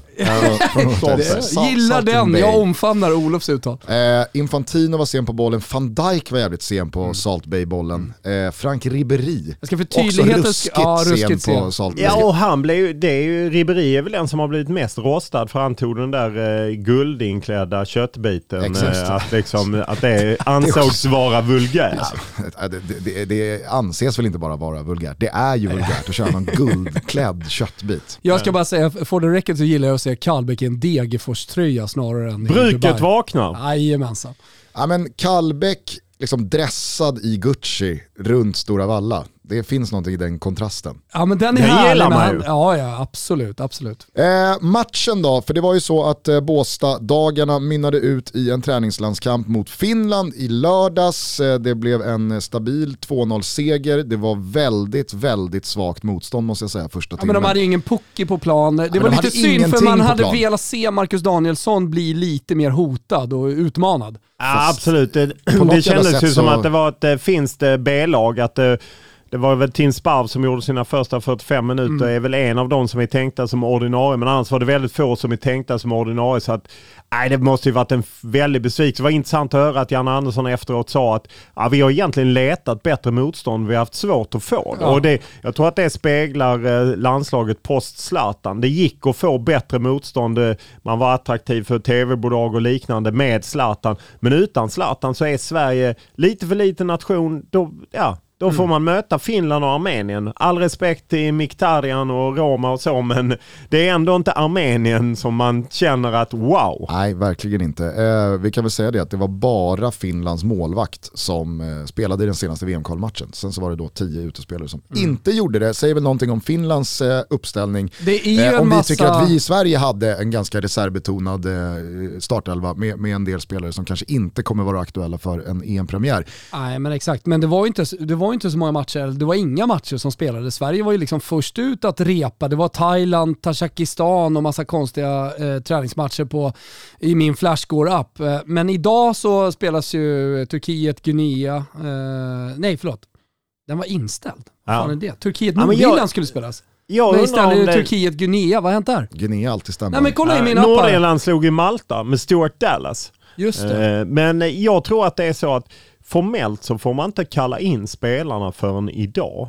Eh, Att egentligen skulle de haft den här veckan ledigt. Jag vet att en del spelare i landslaget, de skulle aldrig säga något utåt, men tyckte det var, blev liksom väldigt tajt. De hann knappt avsluta säsongen, knappt någon semester och sen rakt in i en EM-laddning. Jag tror att det är därför till exempel Polen, Slovakien spelar den första juni. Många lag går igång då. Och en del lag tar inte ens ut sin formella trupp. Det gör ju inte Finland. De tar ut sin EM-trupp den första.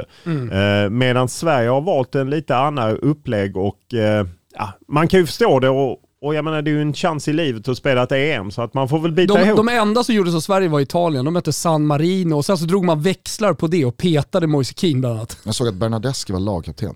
Då kände jag bara så här, jag går vidare från den Han, blev ju, han kom ju med. jag och sen så skickade man med Raspadori till U21 i och med att i U21-EM idag liksom. Ja. Han hade binden mot. Slutspelet. De Ja. spelade gruppspelet i mars. Det är, ja, det är galna tider. Jag tänker så här att vi går lite varvet runt och så får man säga saker man tar med sig från den här eh, insatsen mot Finland, även fast det inte var någon värdemätare och det kommer hända en hel del med laget och så vidare. Jag kan börja, jag, jag, jag, jag tar med mig att Robin Quaison, det spelar liksom ingen roll vad han gör där uppe på topp, hur många mål han eh, än levererar och stabila insatser. Han känns så jävla given som fyra Fyra. i anfallsbesättningen. Alltså Berg, Isak, Ja, det, det känns som att Kulusevski har, liksom, han har blåst förbi. Han är ett närmare alternativ på topp än Robin Quaison när det är skarpt läge jag håller inte med. Ah, jag, jag tycker det är en intressant observation det här med Dejan Kulusevski. Man undrar hur snacket har gått.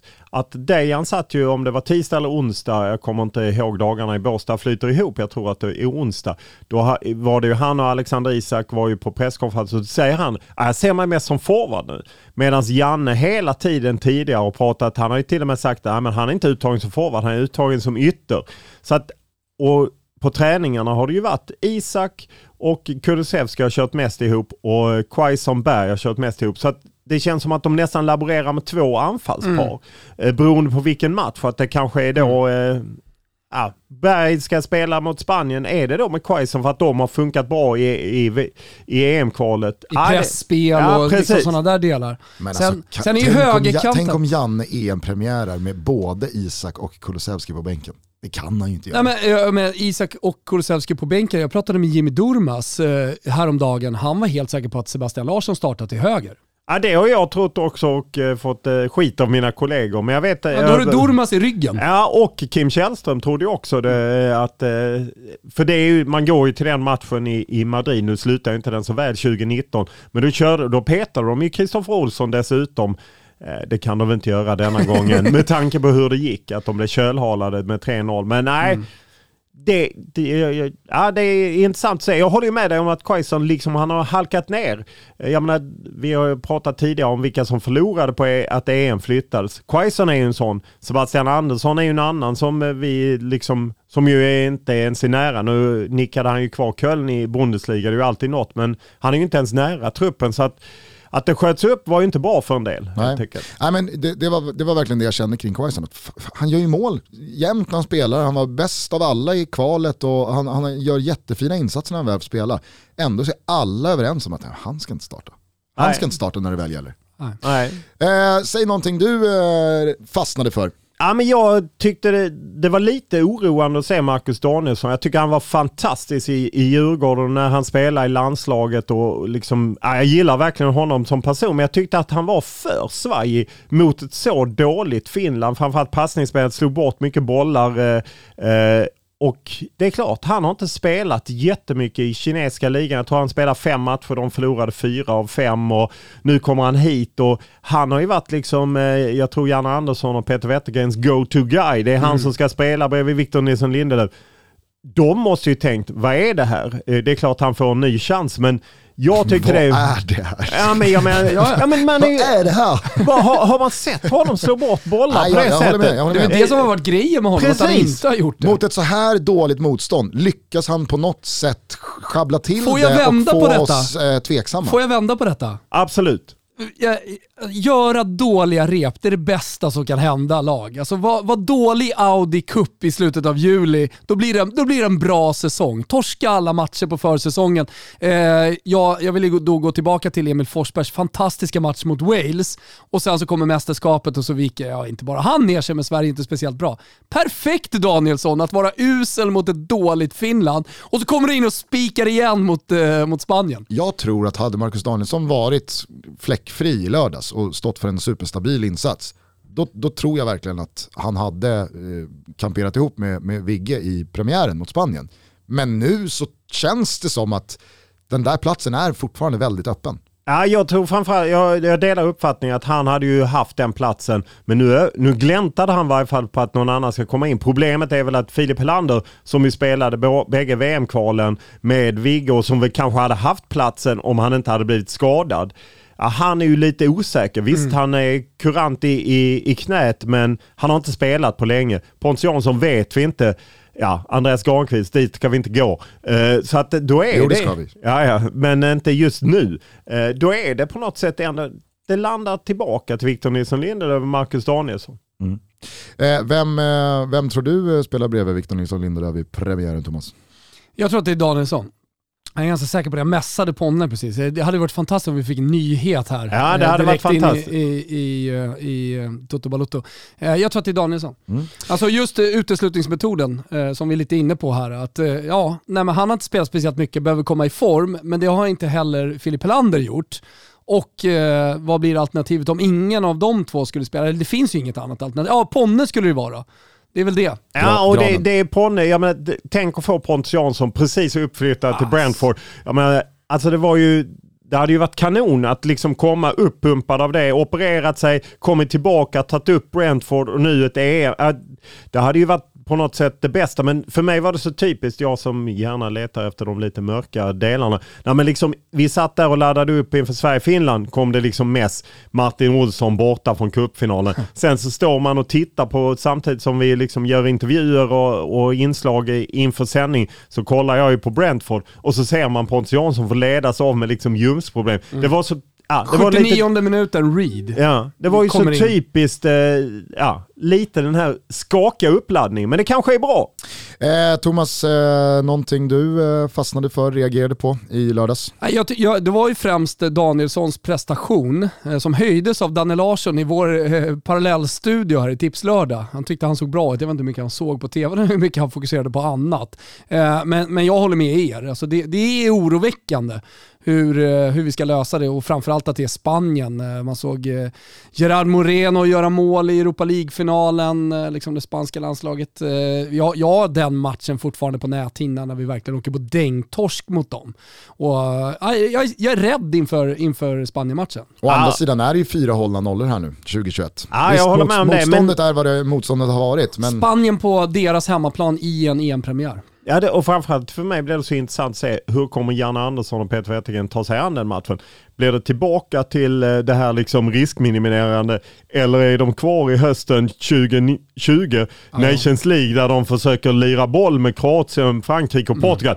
Den tycker jag är väldigt intressant att se hur de vill formera laget. För jag menar, om man lyssnar på en del av spelarna så vill ju de ösa på framåt. Mm, nej men och, eh, jag, jag är inte lika orolig eller Eh, det pirrar inte lika mycket i mig hur anfallselvan, eller vad säger jag, liksom anfallsuppsättningen kommer se ut när han presenterar elvan inför matchen. Jag tror att det kommer bli bra, alldeles oavsett vilka vi spelar med. Vi har så bra spelare och, och olika alternativ. Lita mycket på Janne där. Men vad det gäller backpositionerna så eh, har han ju snart inga val och det är det som är problemet. Alltså, vad hade Janne valt om alla hade varit friska? Ja, då, det, det hade ju sett annorlunda ut än, det, än hur det kommer se ut. Vi är denna vecka sponsrade av våra polare på Stayhard och ni vet ju att stayhard.se har ett otroligt brett utbud av kläder, accessoarer, skor, face och bodyprodukter, träningskläder, tech och även inredning. Och ni vet att om man lägger sin beställning på stayhard.se innan 13.00 då skickas kalaset samma dag. Mm, nu har också nedräkningen börjat. Peppen är totalt. EM 2020 är egentligen här. Ett år försenat visserligen, men vem bryr sig om det? Stayhard.se har tagit fram tröja nummer 12, den tolfte spelaren. Din tröja, publikens tröja. Ja, den viktigaste tröjan sedan VM i Ryssland 2018, Gustav.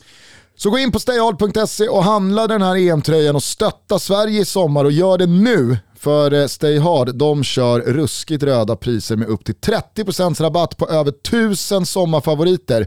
Och för att så många som möjligt ska stötta Sverige om två veckor så kör vi 25% rabatt på EM-tröjorna. Ja, men ni har ju det bara att gå in på stayhard.se. Vi säger stort tack för att ni är med och möjliggör Toto Balotto. Tack Stay Hard. Eh, nu är väl den enda som är missnöjd med hans insats i lördags då Thomas eftersom han vill att det ska se dåligt ut här inför mästerskapet. Men jag måste säga att Emil Forsbergs insats eh, på en individuell nivå, den var oerhört Men där är det annorlunda. alltså. Där är det annorlunda för det är, liksom Han får gärna vara bra. etabler- ja, men det är etablerat på något sätt. Han ska bara ånga på, han ska bara leda det här landslaget och jag tycker, jag tycker att han har utvecklats otroligt mycket i landslaget. Han har säkert gjort det i Leipzig men jag har inte sett lika mycket där. Men han känns så stabil här och han känns verkligen som en, som en ledare av eh, anfallet. Ja, framförallt han verkar tycka att det är roligt. Jag upplever att han Mm. kanske känner lite mindre press och att han mer, eller mer gillar pressen än... Jag menar, EM 2016 var vi ju många som trodde att liksom, det här kommer bli... Nu var ju han långt ifrån ensam och klappa ihop, det gjorde ju i princip hela landslaget. Men han hade ju svårt och, och, och det har han själv sagt efteråt att det, det blev liksom för tungt. Och sen 2018, där fick ju han lite underordna sig spelidén. Eh, och nu känns det som att han, han har fått mer fria tyglar vilket gör att det är roligare och han gillar pressen. Jag hoppas ju verkligen, för om han är i slag, då kan ju Sverige verkligen eh, ja, skapa problem för de flesta lag. Ja, men när han flyter in i de centrala ytorna mellan mittfält och, och anfall och får bollen liksom rättvänd, det, det, det, ja, då, då, då pirrar det till i mig. Jag tror också att han har sporrats en del av att det snackas jävligt mycket Kulusevski, det snackas jävligt mycket Alexander Isak, det är väldigt mycket medialt fokus Perfekt. på dem. Ja, men då tror jag att han liksom triggas av att, vänta nu här, jag är, det, det är Emil Forsbergs landslag det här, jag har tian på ryggen, det är jag som sätter tonen här. Det, det är inte några eh, 20-åriga småchippar här. Nej, och det är väl det som är det bra med, om man tittar på det positiva, att, att Janne Andersson har fått så många fler alternativ. Att de ligger och jagar varandra på något sätt. Jag menar, Viktor Claesson är, är ju tillbaka. Han hade ju missat EM om det gick förra året, men han är tillbaka och Kulusevski. Det finns så många alternativ. Isak kom med sina 17 mål och ett helt annat driv och Quaison gjorde mål i slutet på Mainz och gjorde mål nu direkt i landslaget. Det är ju kanon att de, de jagar varandra. Det är, ing, det är ingen som är given, även om man kan misstänka att Janne gärna ser Marcus Berg i spel. Men Men det- bara för, eh, och- för, nu dissekerar vi ju verkligen eh, landslaget här. Centralt mittfält, Albin Ekdal, Kristoffer Olsson, är det givet eller? Ja, Jag kan inte se att det finns något alternativ. Mattias Svanberg, han, man älskade ju passningen fram till Quaison som visar eh, oerhörd konst. Men precis som Danielsson, han spred lite farliga bollar som straffar sig Som mot Albin ett, inte gör till exempel. Nej, och som straffar sig mot ett bättre motstånd. Och, eh, sen är det klart att man kan känna att lite oro kring Albin Ekdal. Skador, eh, han har inte spelat jättemycket på slutet egentligen sedan mars eh, när han blev skadad. Kristoffer Olsson däremot verkar ju ha en uppåtgående kurva i klubblaget. Det är viktigt för han hade ju en eh, lite tung eh, ah, vinter innan de bytte tränare. Eh, Du nämnde det ju själv eh, här att eh, landslaget vill liksom inte, de vill inte ge någonting gratis. Jag tyckte Frida Nordstrand gjorde ett jävla hästjobb i intervjun med Janne. Trycka på, trycka på. Till slut så tappade Janne garden. Ja, okej, det ska väl inte bli jätteförvånad om eh, Kulusevski spelar anfallare mot Armenien. Men eh, det jag reagerade på där, det var att alltså, Janne själv har kommunicerat att elvan mot Armenien behöver absolut inte vara den som ska spela mot Spanien. Och det där tycker jag är, liksom, det, det är ett ganska högt spel. Finns det skador att ta hänsyn till, ja men då är det ju vad det är. Får man tillbaka någon sista veckan, kanon, och den spelaren ska gå in. Men det känns lite som att inställningen är att den här matchen, då, då testar vi lite här. Ser det sen dåligt ut mot Spanien i en premiär, då kommer man ju få höra att varför spelade vi inte den tilltänkta elvan första timmen mot Armenien? Ja, och där vet inte jag om Janne kör mind games med både oss och spelarna. Att han egentligen faktiskt har en tänkt elva, men att han liksom kör det här snacket. Han hävdar ju i lite större perspektiv att pandemin har gjort att hela spelschemat har rubbat, spelarna är mer slitna än tidigare, vi har fler alternativ, då måste vi se på fler möjligheter hur vi kan eh, liksom nu möter vi Spanien, då eh, formerar vi oss på ett sätt, Polen på ett annat sätt, Slovakien på ett tredje sätt. Sen kanske han bara eh, dribblar med oss. Det är ju det man inte vet. Mm. Det är lite, han är ju så pass skicklig. Är han en världsspelare medialt? Ja men han är oerhört skicklig, sen kanske vi är för dåliga som journalister, men han är oerhört skicklig att liksom inte säga någonting. Att han ja, kan liksom verkligen. lägga ut pucken snyggt sarg ut. Eh, gång efter annan. Och han är rätt outtröttlig. Det märkte man ju ändå med Zlatan som har ju hängt över honom i fem år. Men där han liksom i många år bara körde sarg ut. Och det är väldigt sällan han blir, blir arg. Det är egentligen två gånger jag minns. Dels var det hösten 2020 eh, när Dejan Kulusevski var petad och Zlatan gick in. Då var han förbannad, även om det inte syntes fullt ut, men man gick och ta på engagemanget. Och frågan är om det inte var samma första dagen i Båstad när Andreas Granqvist och den frågan. Mm. Han liksom höll ett brandtal. Det var ju nästan som han stod upp och liksom agiterade för varför han är med. Det märkte man att det är, det är ett par gånger då vi, frågorna tar sig in lite innanför liksom pansar. Mm. Men det hänger väl ihop med att det, alltså det är två tillfällen då han har fått en stark opinion mot sig. Att eh, alla miljoner förbundskaptener i Sverige tycker att du borde gjort så här istället. Det, ja, det, men det, de är ju en bubbla som brukar kunna skydda sig själva, men uppenbarligen nådde det in. För han är ju mindre populisten eh, än föregångaren exempelvis, som lite lättare tog Hammaren. intryck. Hammaren. Som lite lättare tog intryck av hur det blåste i, i medier, i bloggar och poddar och allt vad det var. Eh, men eh, Andersson är ju lite, men han uppenbarligen på, för jag upplevde att han påverkades hela hösten. Jag menar Kulusevski startade ju resten av matcherna och Sverige försökte ju spela lite mer offensivt. Ja. Mm. Finns det någon eh, annan aktie du tycker gick åt något håll? Får jag bara efter... fråga, om på tal om aktier, vad, vad, vad är status på granen? Status är ändå lite överraskande att han inte fick en enda minut nu utan att man hellre körde Jocke Nilsson med tanke på att han spelar 90 mot Gais. Nej, men han har ju sett okej okay ut på träningarna. Han har inte satts på några större prov. Han har låtit mycket, han har agerat mycket kapten. Eh, han hördes mest eh, på eh, Båstad IP, eh, Örebäcksvallen som det heter där, Båstad GIF spelar. Där hördes Granen väldigt mycket och eh, han såg på, ut på glatt humör för att eh, jag kom genom katakomberna när spelarna, de ville ju inte göra press så att eh, de drog på ledighet, de hade ju tre dagars ledighet. Då satt Granen i framsätet i någon slags minibuss som antagligen skulle ut till ett privatplan som skulle till Skåne. Och Jordan fick ta emot eh, Mattias Svanbergs stora flaska från en ölsponsor, eh, för han mm. satt i baksätet. De junisarna satt där bak, Svanberg och Jordan och dem. Och så satt eh, Granen, då såg han nöjd ut. Hur, hur såg Jordan ut? Ah, han såg väl lite obekväm för det var ju nog mer för att det jag upplevde som var flaskan, jag är inte säker, jag gick inte fram och kände på det, det såg obekvämt ut. Men annars såg han ut och var på gott humör. Han ville väl hem. Mm. Men eh, som sagt, finns det någon annan aktie du tycker gick åt något håll här efter eh, första veckan och kanske i synnerhet då Finlandsmatchen? Ja ah, men Isak har ju visat eh, på träningarna Vilken, vilken stöt han är i alltså. När de hade någon dag när de spelade 11 mot 11, han gjorde bägge målen i det lag han spelade. Det ena avslutet var hög klass. Han, han kommer in i landslaget med en helt annan, ja, ett huvud högre känns Där det var det bra att eh, EM inte spelades 2020. Det var det definitivt. Alltså han, ja, det är någonting annat. Han har ju också liksom en pondus som är rätt häftig. Mm. Är det bara jag som känner att eh, Viktor Claessons aktie har dippat lite? Nej, här. eh, när du tar upp det så, jag tycker att han hade svårt eh, i, i denna senaste matchen. Och var långt från den kraftfullhet som jag minns. Jag menar, han var ju både i VM 2018 och sen både Nations League men framförallt första halvan av EM-kvalet. Han var ju det var ju han och Quaison som var spelarna Mm. som liksom öste på. Ponne har ju vittnat om det i den här podden tidigare, att på klippen, på teorin, alltså det spelar ingen roll, off, def, bra, alltså allt som var bra, bara klipp på Viktor Claesson. Janne drog för hela laget. Ti- Jo. Titta på Viktor här. Men en sak så som vi- exakt så här ska vi göra. En sak som vi ska ta med Viktor oss. Claesson, precis på, all, på alla klipp som var positiva så var det Viktor Claesson. Och det kändes ju verkligen som en Janne-favorit, men jag upplever att han, han har liksom inte, han, han har inte kommit tillbaka till den nivå Nej, men höjd han hade innan Det skadan. måste man ändå ta in. Eh, Man ser mycket av tyska ligan, spanska, man får mycket rapporter från italienska och engelska. Men från ryska så, ja man glömmer bort det lite och vi har ändå två landslagsspelare där, eller ja flera. Flera. Jordan där också, missar jag någon nu? Ja, det har väl varit tre, Nej, i tre Krasnodar Krasnodar hela... och så Jordan och så har ju. Karl Starfelt funnits Just med på sidan också som ju inte kom med i... Ja, men i. Krasnodar gör ju en dålig säsong och, och det vi har fått till oss när vi har pratat om Claesson från folk som följer den ryska ligan, egentligen från alla, är ju att Claesson gör en ganska dålig säsong också. Så att han, han kommer ju inte toppad från klubblaget i alla fall. Nej, och det kändes efter den här Finlandsinsatsen, jag, jag tyckte man såg det på Viktor Claessons eh, kroppsspråk och, och hela aurat.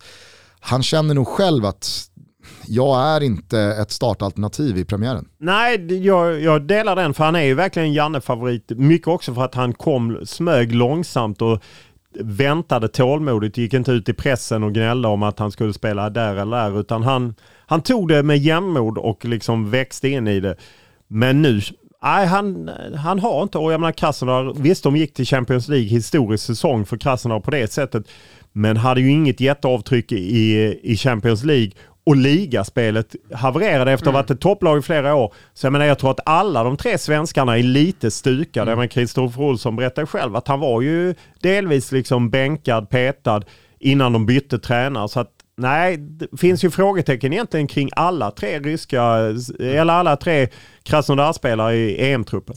Armenien på lördag, ni ser givetvis matchen i Simor. Hur ser veckan ut för landslaget? De är lediga nu och eh, samlas eh, på onsdag eh, mitt på dagen. Då checkar de in och då checkar de in i den här coronabubblan som gäller tills de åker ut. I Eh, Göteborg. Eh, nej, i Stockholm. De, Ah. är, de är redan här och de har bytt hotell. De bor på Continental, inte Park. För att där har de en takterrass så de ändå kan vara ute i friska luften utan, friska luften mitt i vid centralstationen. Man undrar hur frisk den luften är.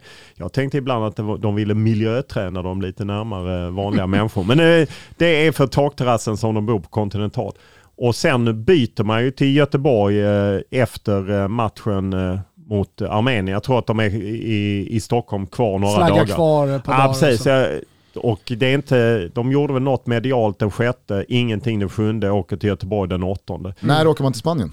Eh, det gör man eh, två dagar före matchen den 12. Eh, lördagen 12 åker man på eftermiddagen. Man tränar väl i eh, Göteborg där på Gothia Park ner och sen så är det ju dagen innan match är det ja, träning på matcharenan, hade presskonferens. Jag hade älskat om Sverige hade liksom höghöjdstränat och åkt till ja, typ Dubai eller någonting sånt där det är 45 grader för att, för att anpassa sig under en vecka kanske, eller tio dagar redan nu när, när samlingen börjar. Vi kommer inte spela mot Armenien hemma. Vi kör den i Dubai. Det är inget svårt att få dit Armenien, bara för att anpassa sig inför... För det, kommer, det kan jag Eller så tänka får väl mig... Guinea ställa upp? Nej, men jag, jag kan tänka mig att det kommer bli en snackis. Eh, Värmen. Värmen. Ja, värmen i Sevilla. Sevilla. Eh, Det är som i Dallas. eh, Exakt. Och Stefan, då får någon kliva fram som Stefan inte- Schwarz. Det gick åt inte uppemot eh, Aftonbladet 80 Expressen liter det? vatten på Sveriges första Ja, träning. precis. Jo, ja, det, är, det, är en, det är en klassisk kvällstidningsrubrik. Precis som kamp mot klockan och lite Just andra det. godbitar vi får plocka fram nu. Ja, eh, åker härligt. man från Sevilla till Sankt Petersburg eller studsar man i Göteborg? Nej, då, är det, då bestämde man att man har liksom kommit fram till att det är inte bra att åka. Det är ju sen match.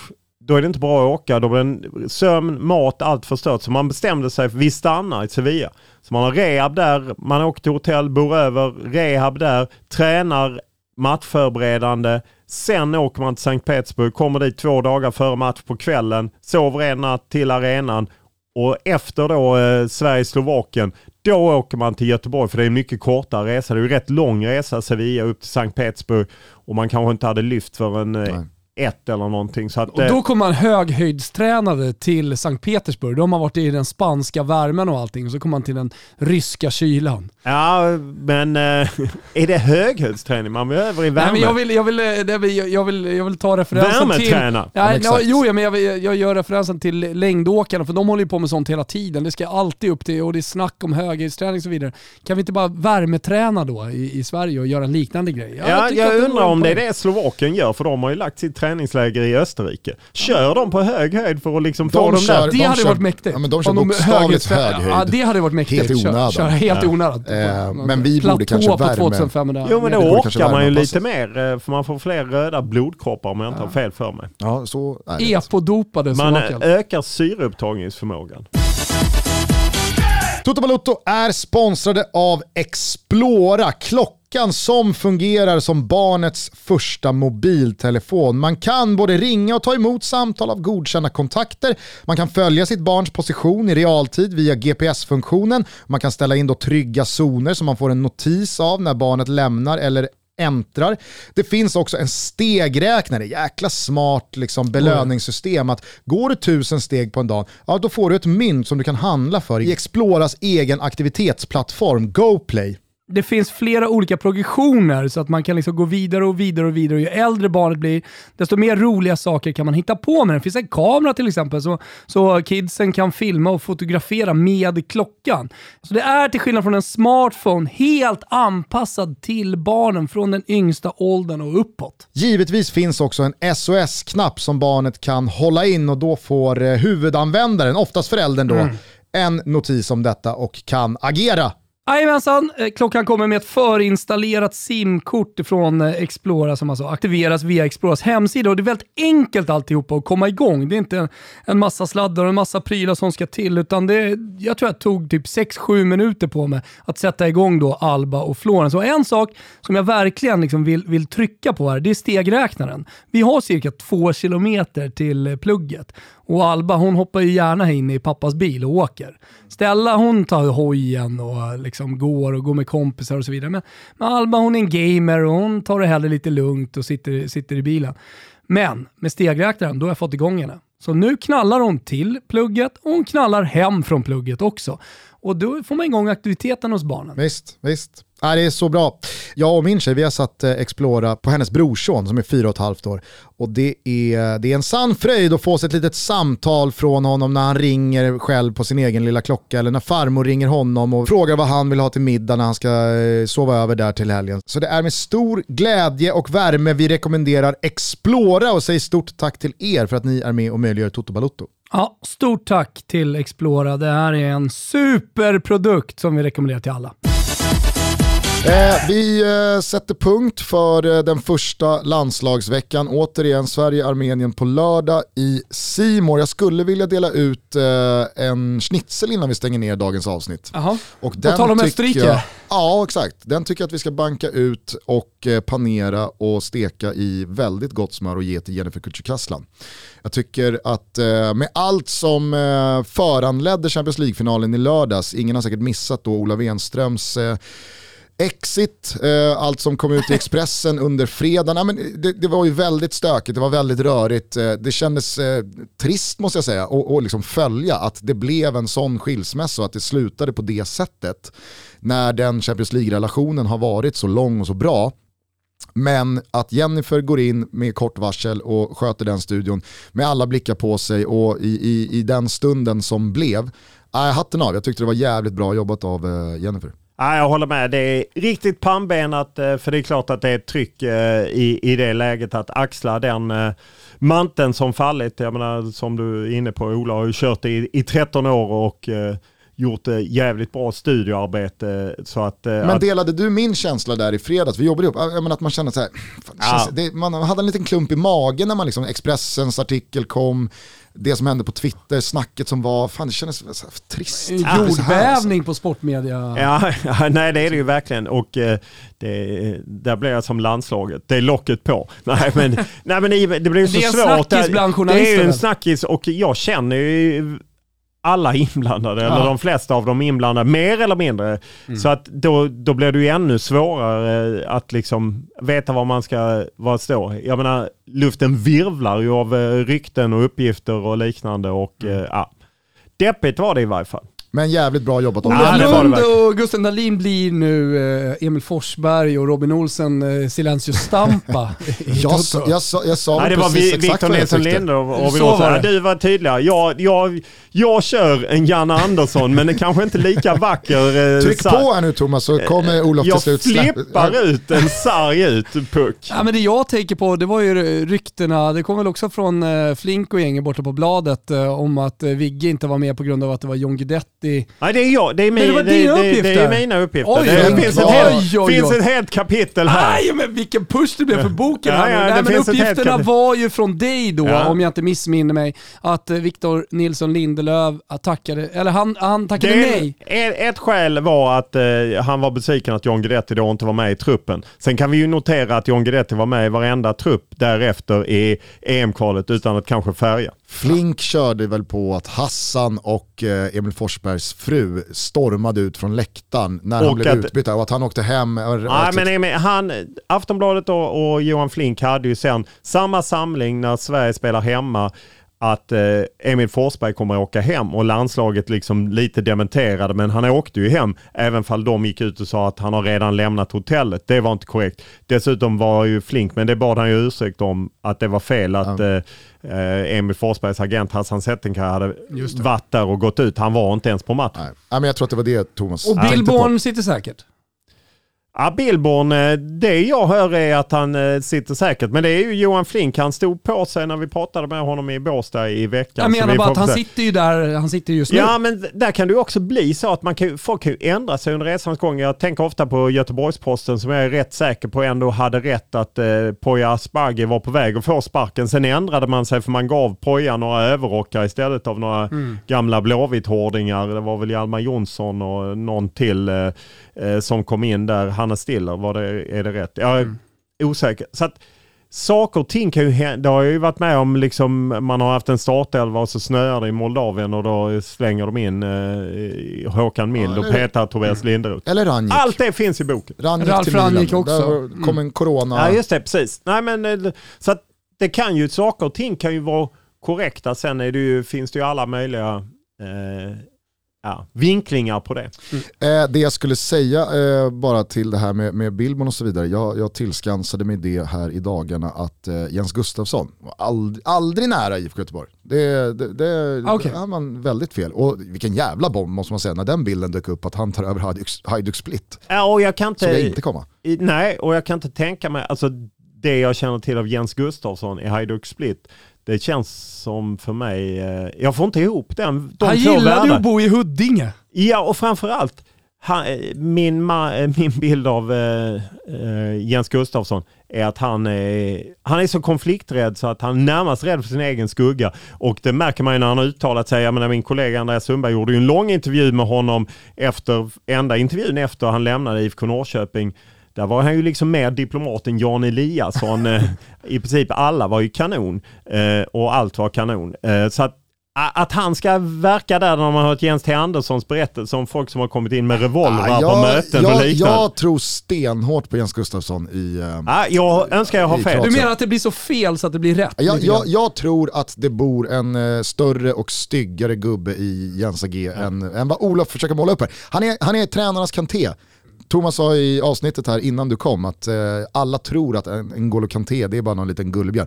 N'Golo Kanté det är ett svin. Han käkar barn till frukost och eh, shottar nubb. Ja, men det måste finnas Det är, en, något. det är ett riktigt rovdjur. Då hoppas jag att det stämmer på Jens Gustafsson för man ska flika in att Jens Gustafssons pappa är en av mina idoler. Han var Tommy Gyxa Gustafsson som på Landskrona IP kom fram på kanterna och slog inläggen till Sonny Johansson som han skallade in i mål och där han snittade över 10 mål per säsong. Över 10 år i Allsvenskan. Nästan aldrig hänt. Jävla fint när man snittar över 10 mål. Ja. Det är liksom, det är en sven, där ligger Ja. svenska ribban. Men inte 30 mobbad. mål på säsong, 20 mål. Nej, Men Sonny Tio. blev mobbad av eh, Georg Åby Eriksson. Det blev bara några landskamper. Men han blev danskdödare. Ni som kan är MP Möller, ni vet tyngden i det. Just det. Och Det det är många tror jag ändå som vill ha svar på frågan om du fortsätter en säsong till i Alla mot alla. Eh, Frågan finns där och den är under eh, eftertanke. Eh, Ja, det, det blev lite av en vattendelare i och för sig. Den stora floden gillade väl mina utspel men det fanns en kraftfull liten flod som inte gillade mina... i- i- Internt där eller? Nej det, det, nej, det var ju mer arga pensionärer och Aj, liknande aj, aj. som tyckte att det var. Stugorna? Ja, precis. Att jag var den värsta människan. Han som skulle mejla Muren-redaktionen och stoppa mig från vidare medverkan där. För att han, jag var den värsta människan han någonsin stött på. Då undrar man ändå vem han, vad han reserverar för andra personer. Ja, precis. Nej, jävla ruskigt utbroderad schnitzel det blev till Ah, Jennifer. Kücükaslan. Eh, jag skulle bara vilja skicka med en liten hörnbit till Viaplay och nämnt deras slutpaket på Champions League-finalstudion. Såg ni den? Ja. Det var då liksom eh, Viaplay tackade för sig efter många, många år med den rättigheten. Vilka jävla minnen och ögonblick den där turneringen ändå har bjudit på under så många år. Och av allt, alltså då, då pratar vi allt från eh, ja, men, eh, Ole Gunnar Solskär och, och Manchester Uniteds vändning 99 till... eh, Hade de Cristiano- rättigheten då? Vad sa du? Ja, de hade rättigheten Ja, ja, ja. Ja, ja. Micke. Micke Nilssons frispark mot PSV Eindhoven från i princip halva plan. Ja, nej men alltså Real Madrids tre raka, Cristiano Ronaldos, alltså, så mycket sjukt som har hänt i den där turneringen. Leeds, Deportivo La Coruña. ändå är Nebojsa Novakovic chip mot Barcelona. Det, det är liksom, det är de ögonblick för mig, Champions League. Jag vet inte varför, men det, trumfar säga, allt. men, ja. det, det Ah. trumfar allt. Nej, det trumfar inte allt för mig. Men det var, det, jag håller med om att det är stort. Men Blåvitt tidigt när de var med och man eh, kvällstidningarna gjorde de här uträkningarna om pengar. Det var ju något helt nytt. Nej, det var fantastiskt. Och när en DN-skribent ville att det är ju förjävligt att, eh, att Blåvitt tjänar så mycket pengar. Det är bättre att vi tar in de pengarna till svensk fotboll och så delar vi dem på alla klubbar. Det är också fint. Yes. Det är så jävla fint. alltså. DN, lokaltidningen. Ja, men jag, tror, jag, tror att jag, jag, jag tror att jag var några eh, år för ung eh, vad gäller Blåvitt. Utan, alltså, jag var tio bast när Gnaget eh, hade sin Champions League-höst och när Nebbo gör den där chipmålet. Ja, men det var som att så här, den stora fotbollsvärlden kom liksom till, mig och jag fattade att här, liksom, det här är för oss också. Så det var, jag vet inte, alla stjärnor stod på något sätt rätt. Så att när jag såg de där bilderna i, i eh, lördagsnatt där, så Så man brast det för dig. Nej, jag, ska inte säga att det brast för mig, men jag kände att så här, ja, av alla jävla godisbitar de har bara öst på här med i tio minuter här nu. Den där chippen, den, den är allt. Alltså, ja, den, och man den är måste ju ändå eh, hatten av för hur de har bevakat Champions League alltså på, Verkligen. under många år och gjort det bra. Och eh, nej, det är häftigt.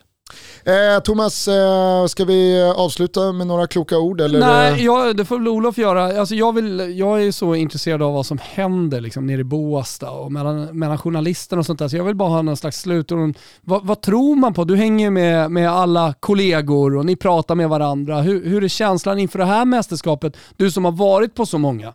Ja, men känslan är väl mer att det är eh, en känsla av avstånd. Att man liksom tappar, i och med corona så har man sånt mycket avstånd och eh, all heder till förbundet som ändå kör, de kör ju inte digitala presskonferenser utan de kör ju presskonferenser. Men man tappar det där småsnacket, man går och tar en kopp kaffe och så kommer några ledare eller man snackar med spelare. Alltså allt det är försvunnet. Och det gör att eh, rapporteringen blir svårare och jag tror också att det är svårare att få liksom, relationer med ledare och spelare. Ja, jag tror allt blir sämre. Sen är det ju en pandemi som har ritat om verkligheten. Så det Vad- gör vad- att det är svårt att ta tempen. Vad tror kollegorna då? Tror de att det blir ett eh, långt mästerskap eh, för, för Sverige? Ja, eller men det är är folk ju- negativa? Ja men många är ju eh, det här med eh, försvaret, att det är Ja. klart att det oroar. Och sen så är det ju granen. Eh, Granen är, det är som en röd flagga. Ja det är så. Ja. Ja det är härligt att höra.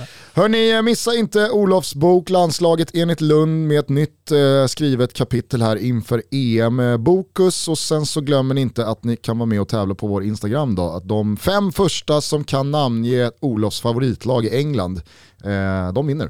ja, det gäller att vara snabb. Och rätt lag! Ja, Så är det.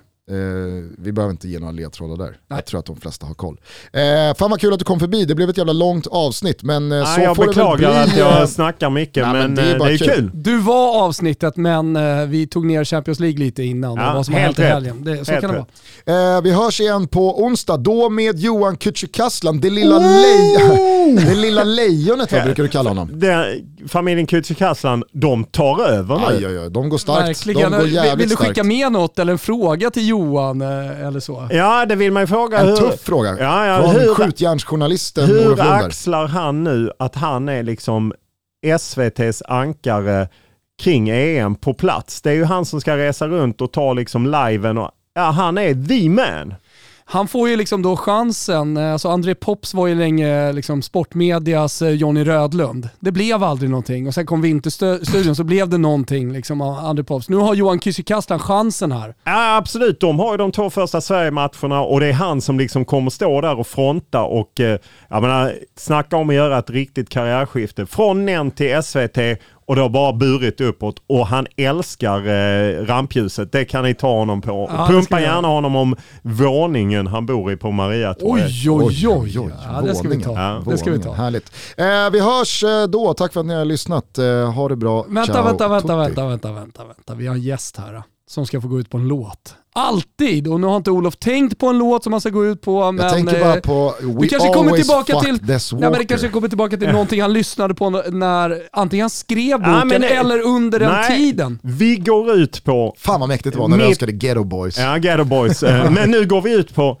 när jag gjorde en VM-låt tillsammans med lite artister i eh, Sverige. VM 94, bollen är svart och vit, eh, väskan är packad precis som du och jag. Ja du hör Wilbacher, det är en underbart. hyllad av Håkan Sten, en låt för eh, ståplats. Ja, I, eh, tyvärr överkört av GES, men vi sålde väl eh, 1000 ex. Eh, och eh, den finns på YouTube så vi plockar ner den och den kan ni köra helt stimfritt. Ja, men det är helt underbart. Det ska vi göra i Tipslördag EM edition sen. Den ska, den ska gå varm. Den, hade den remixats av någon eh, DJ Martin Garrix eller något liknande, då hade den kunnat välta internet. Den är jävligt omixad. Ja, Eh, tack för att du kom hit Olof. Tack Eh, själv. vi hörs snart igen, ciao. Ja,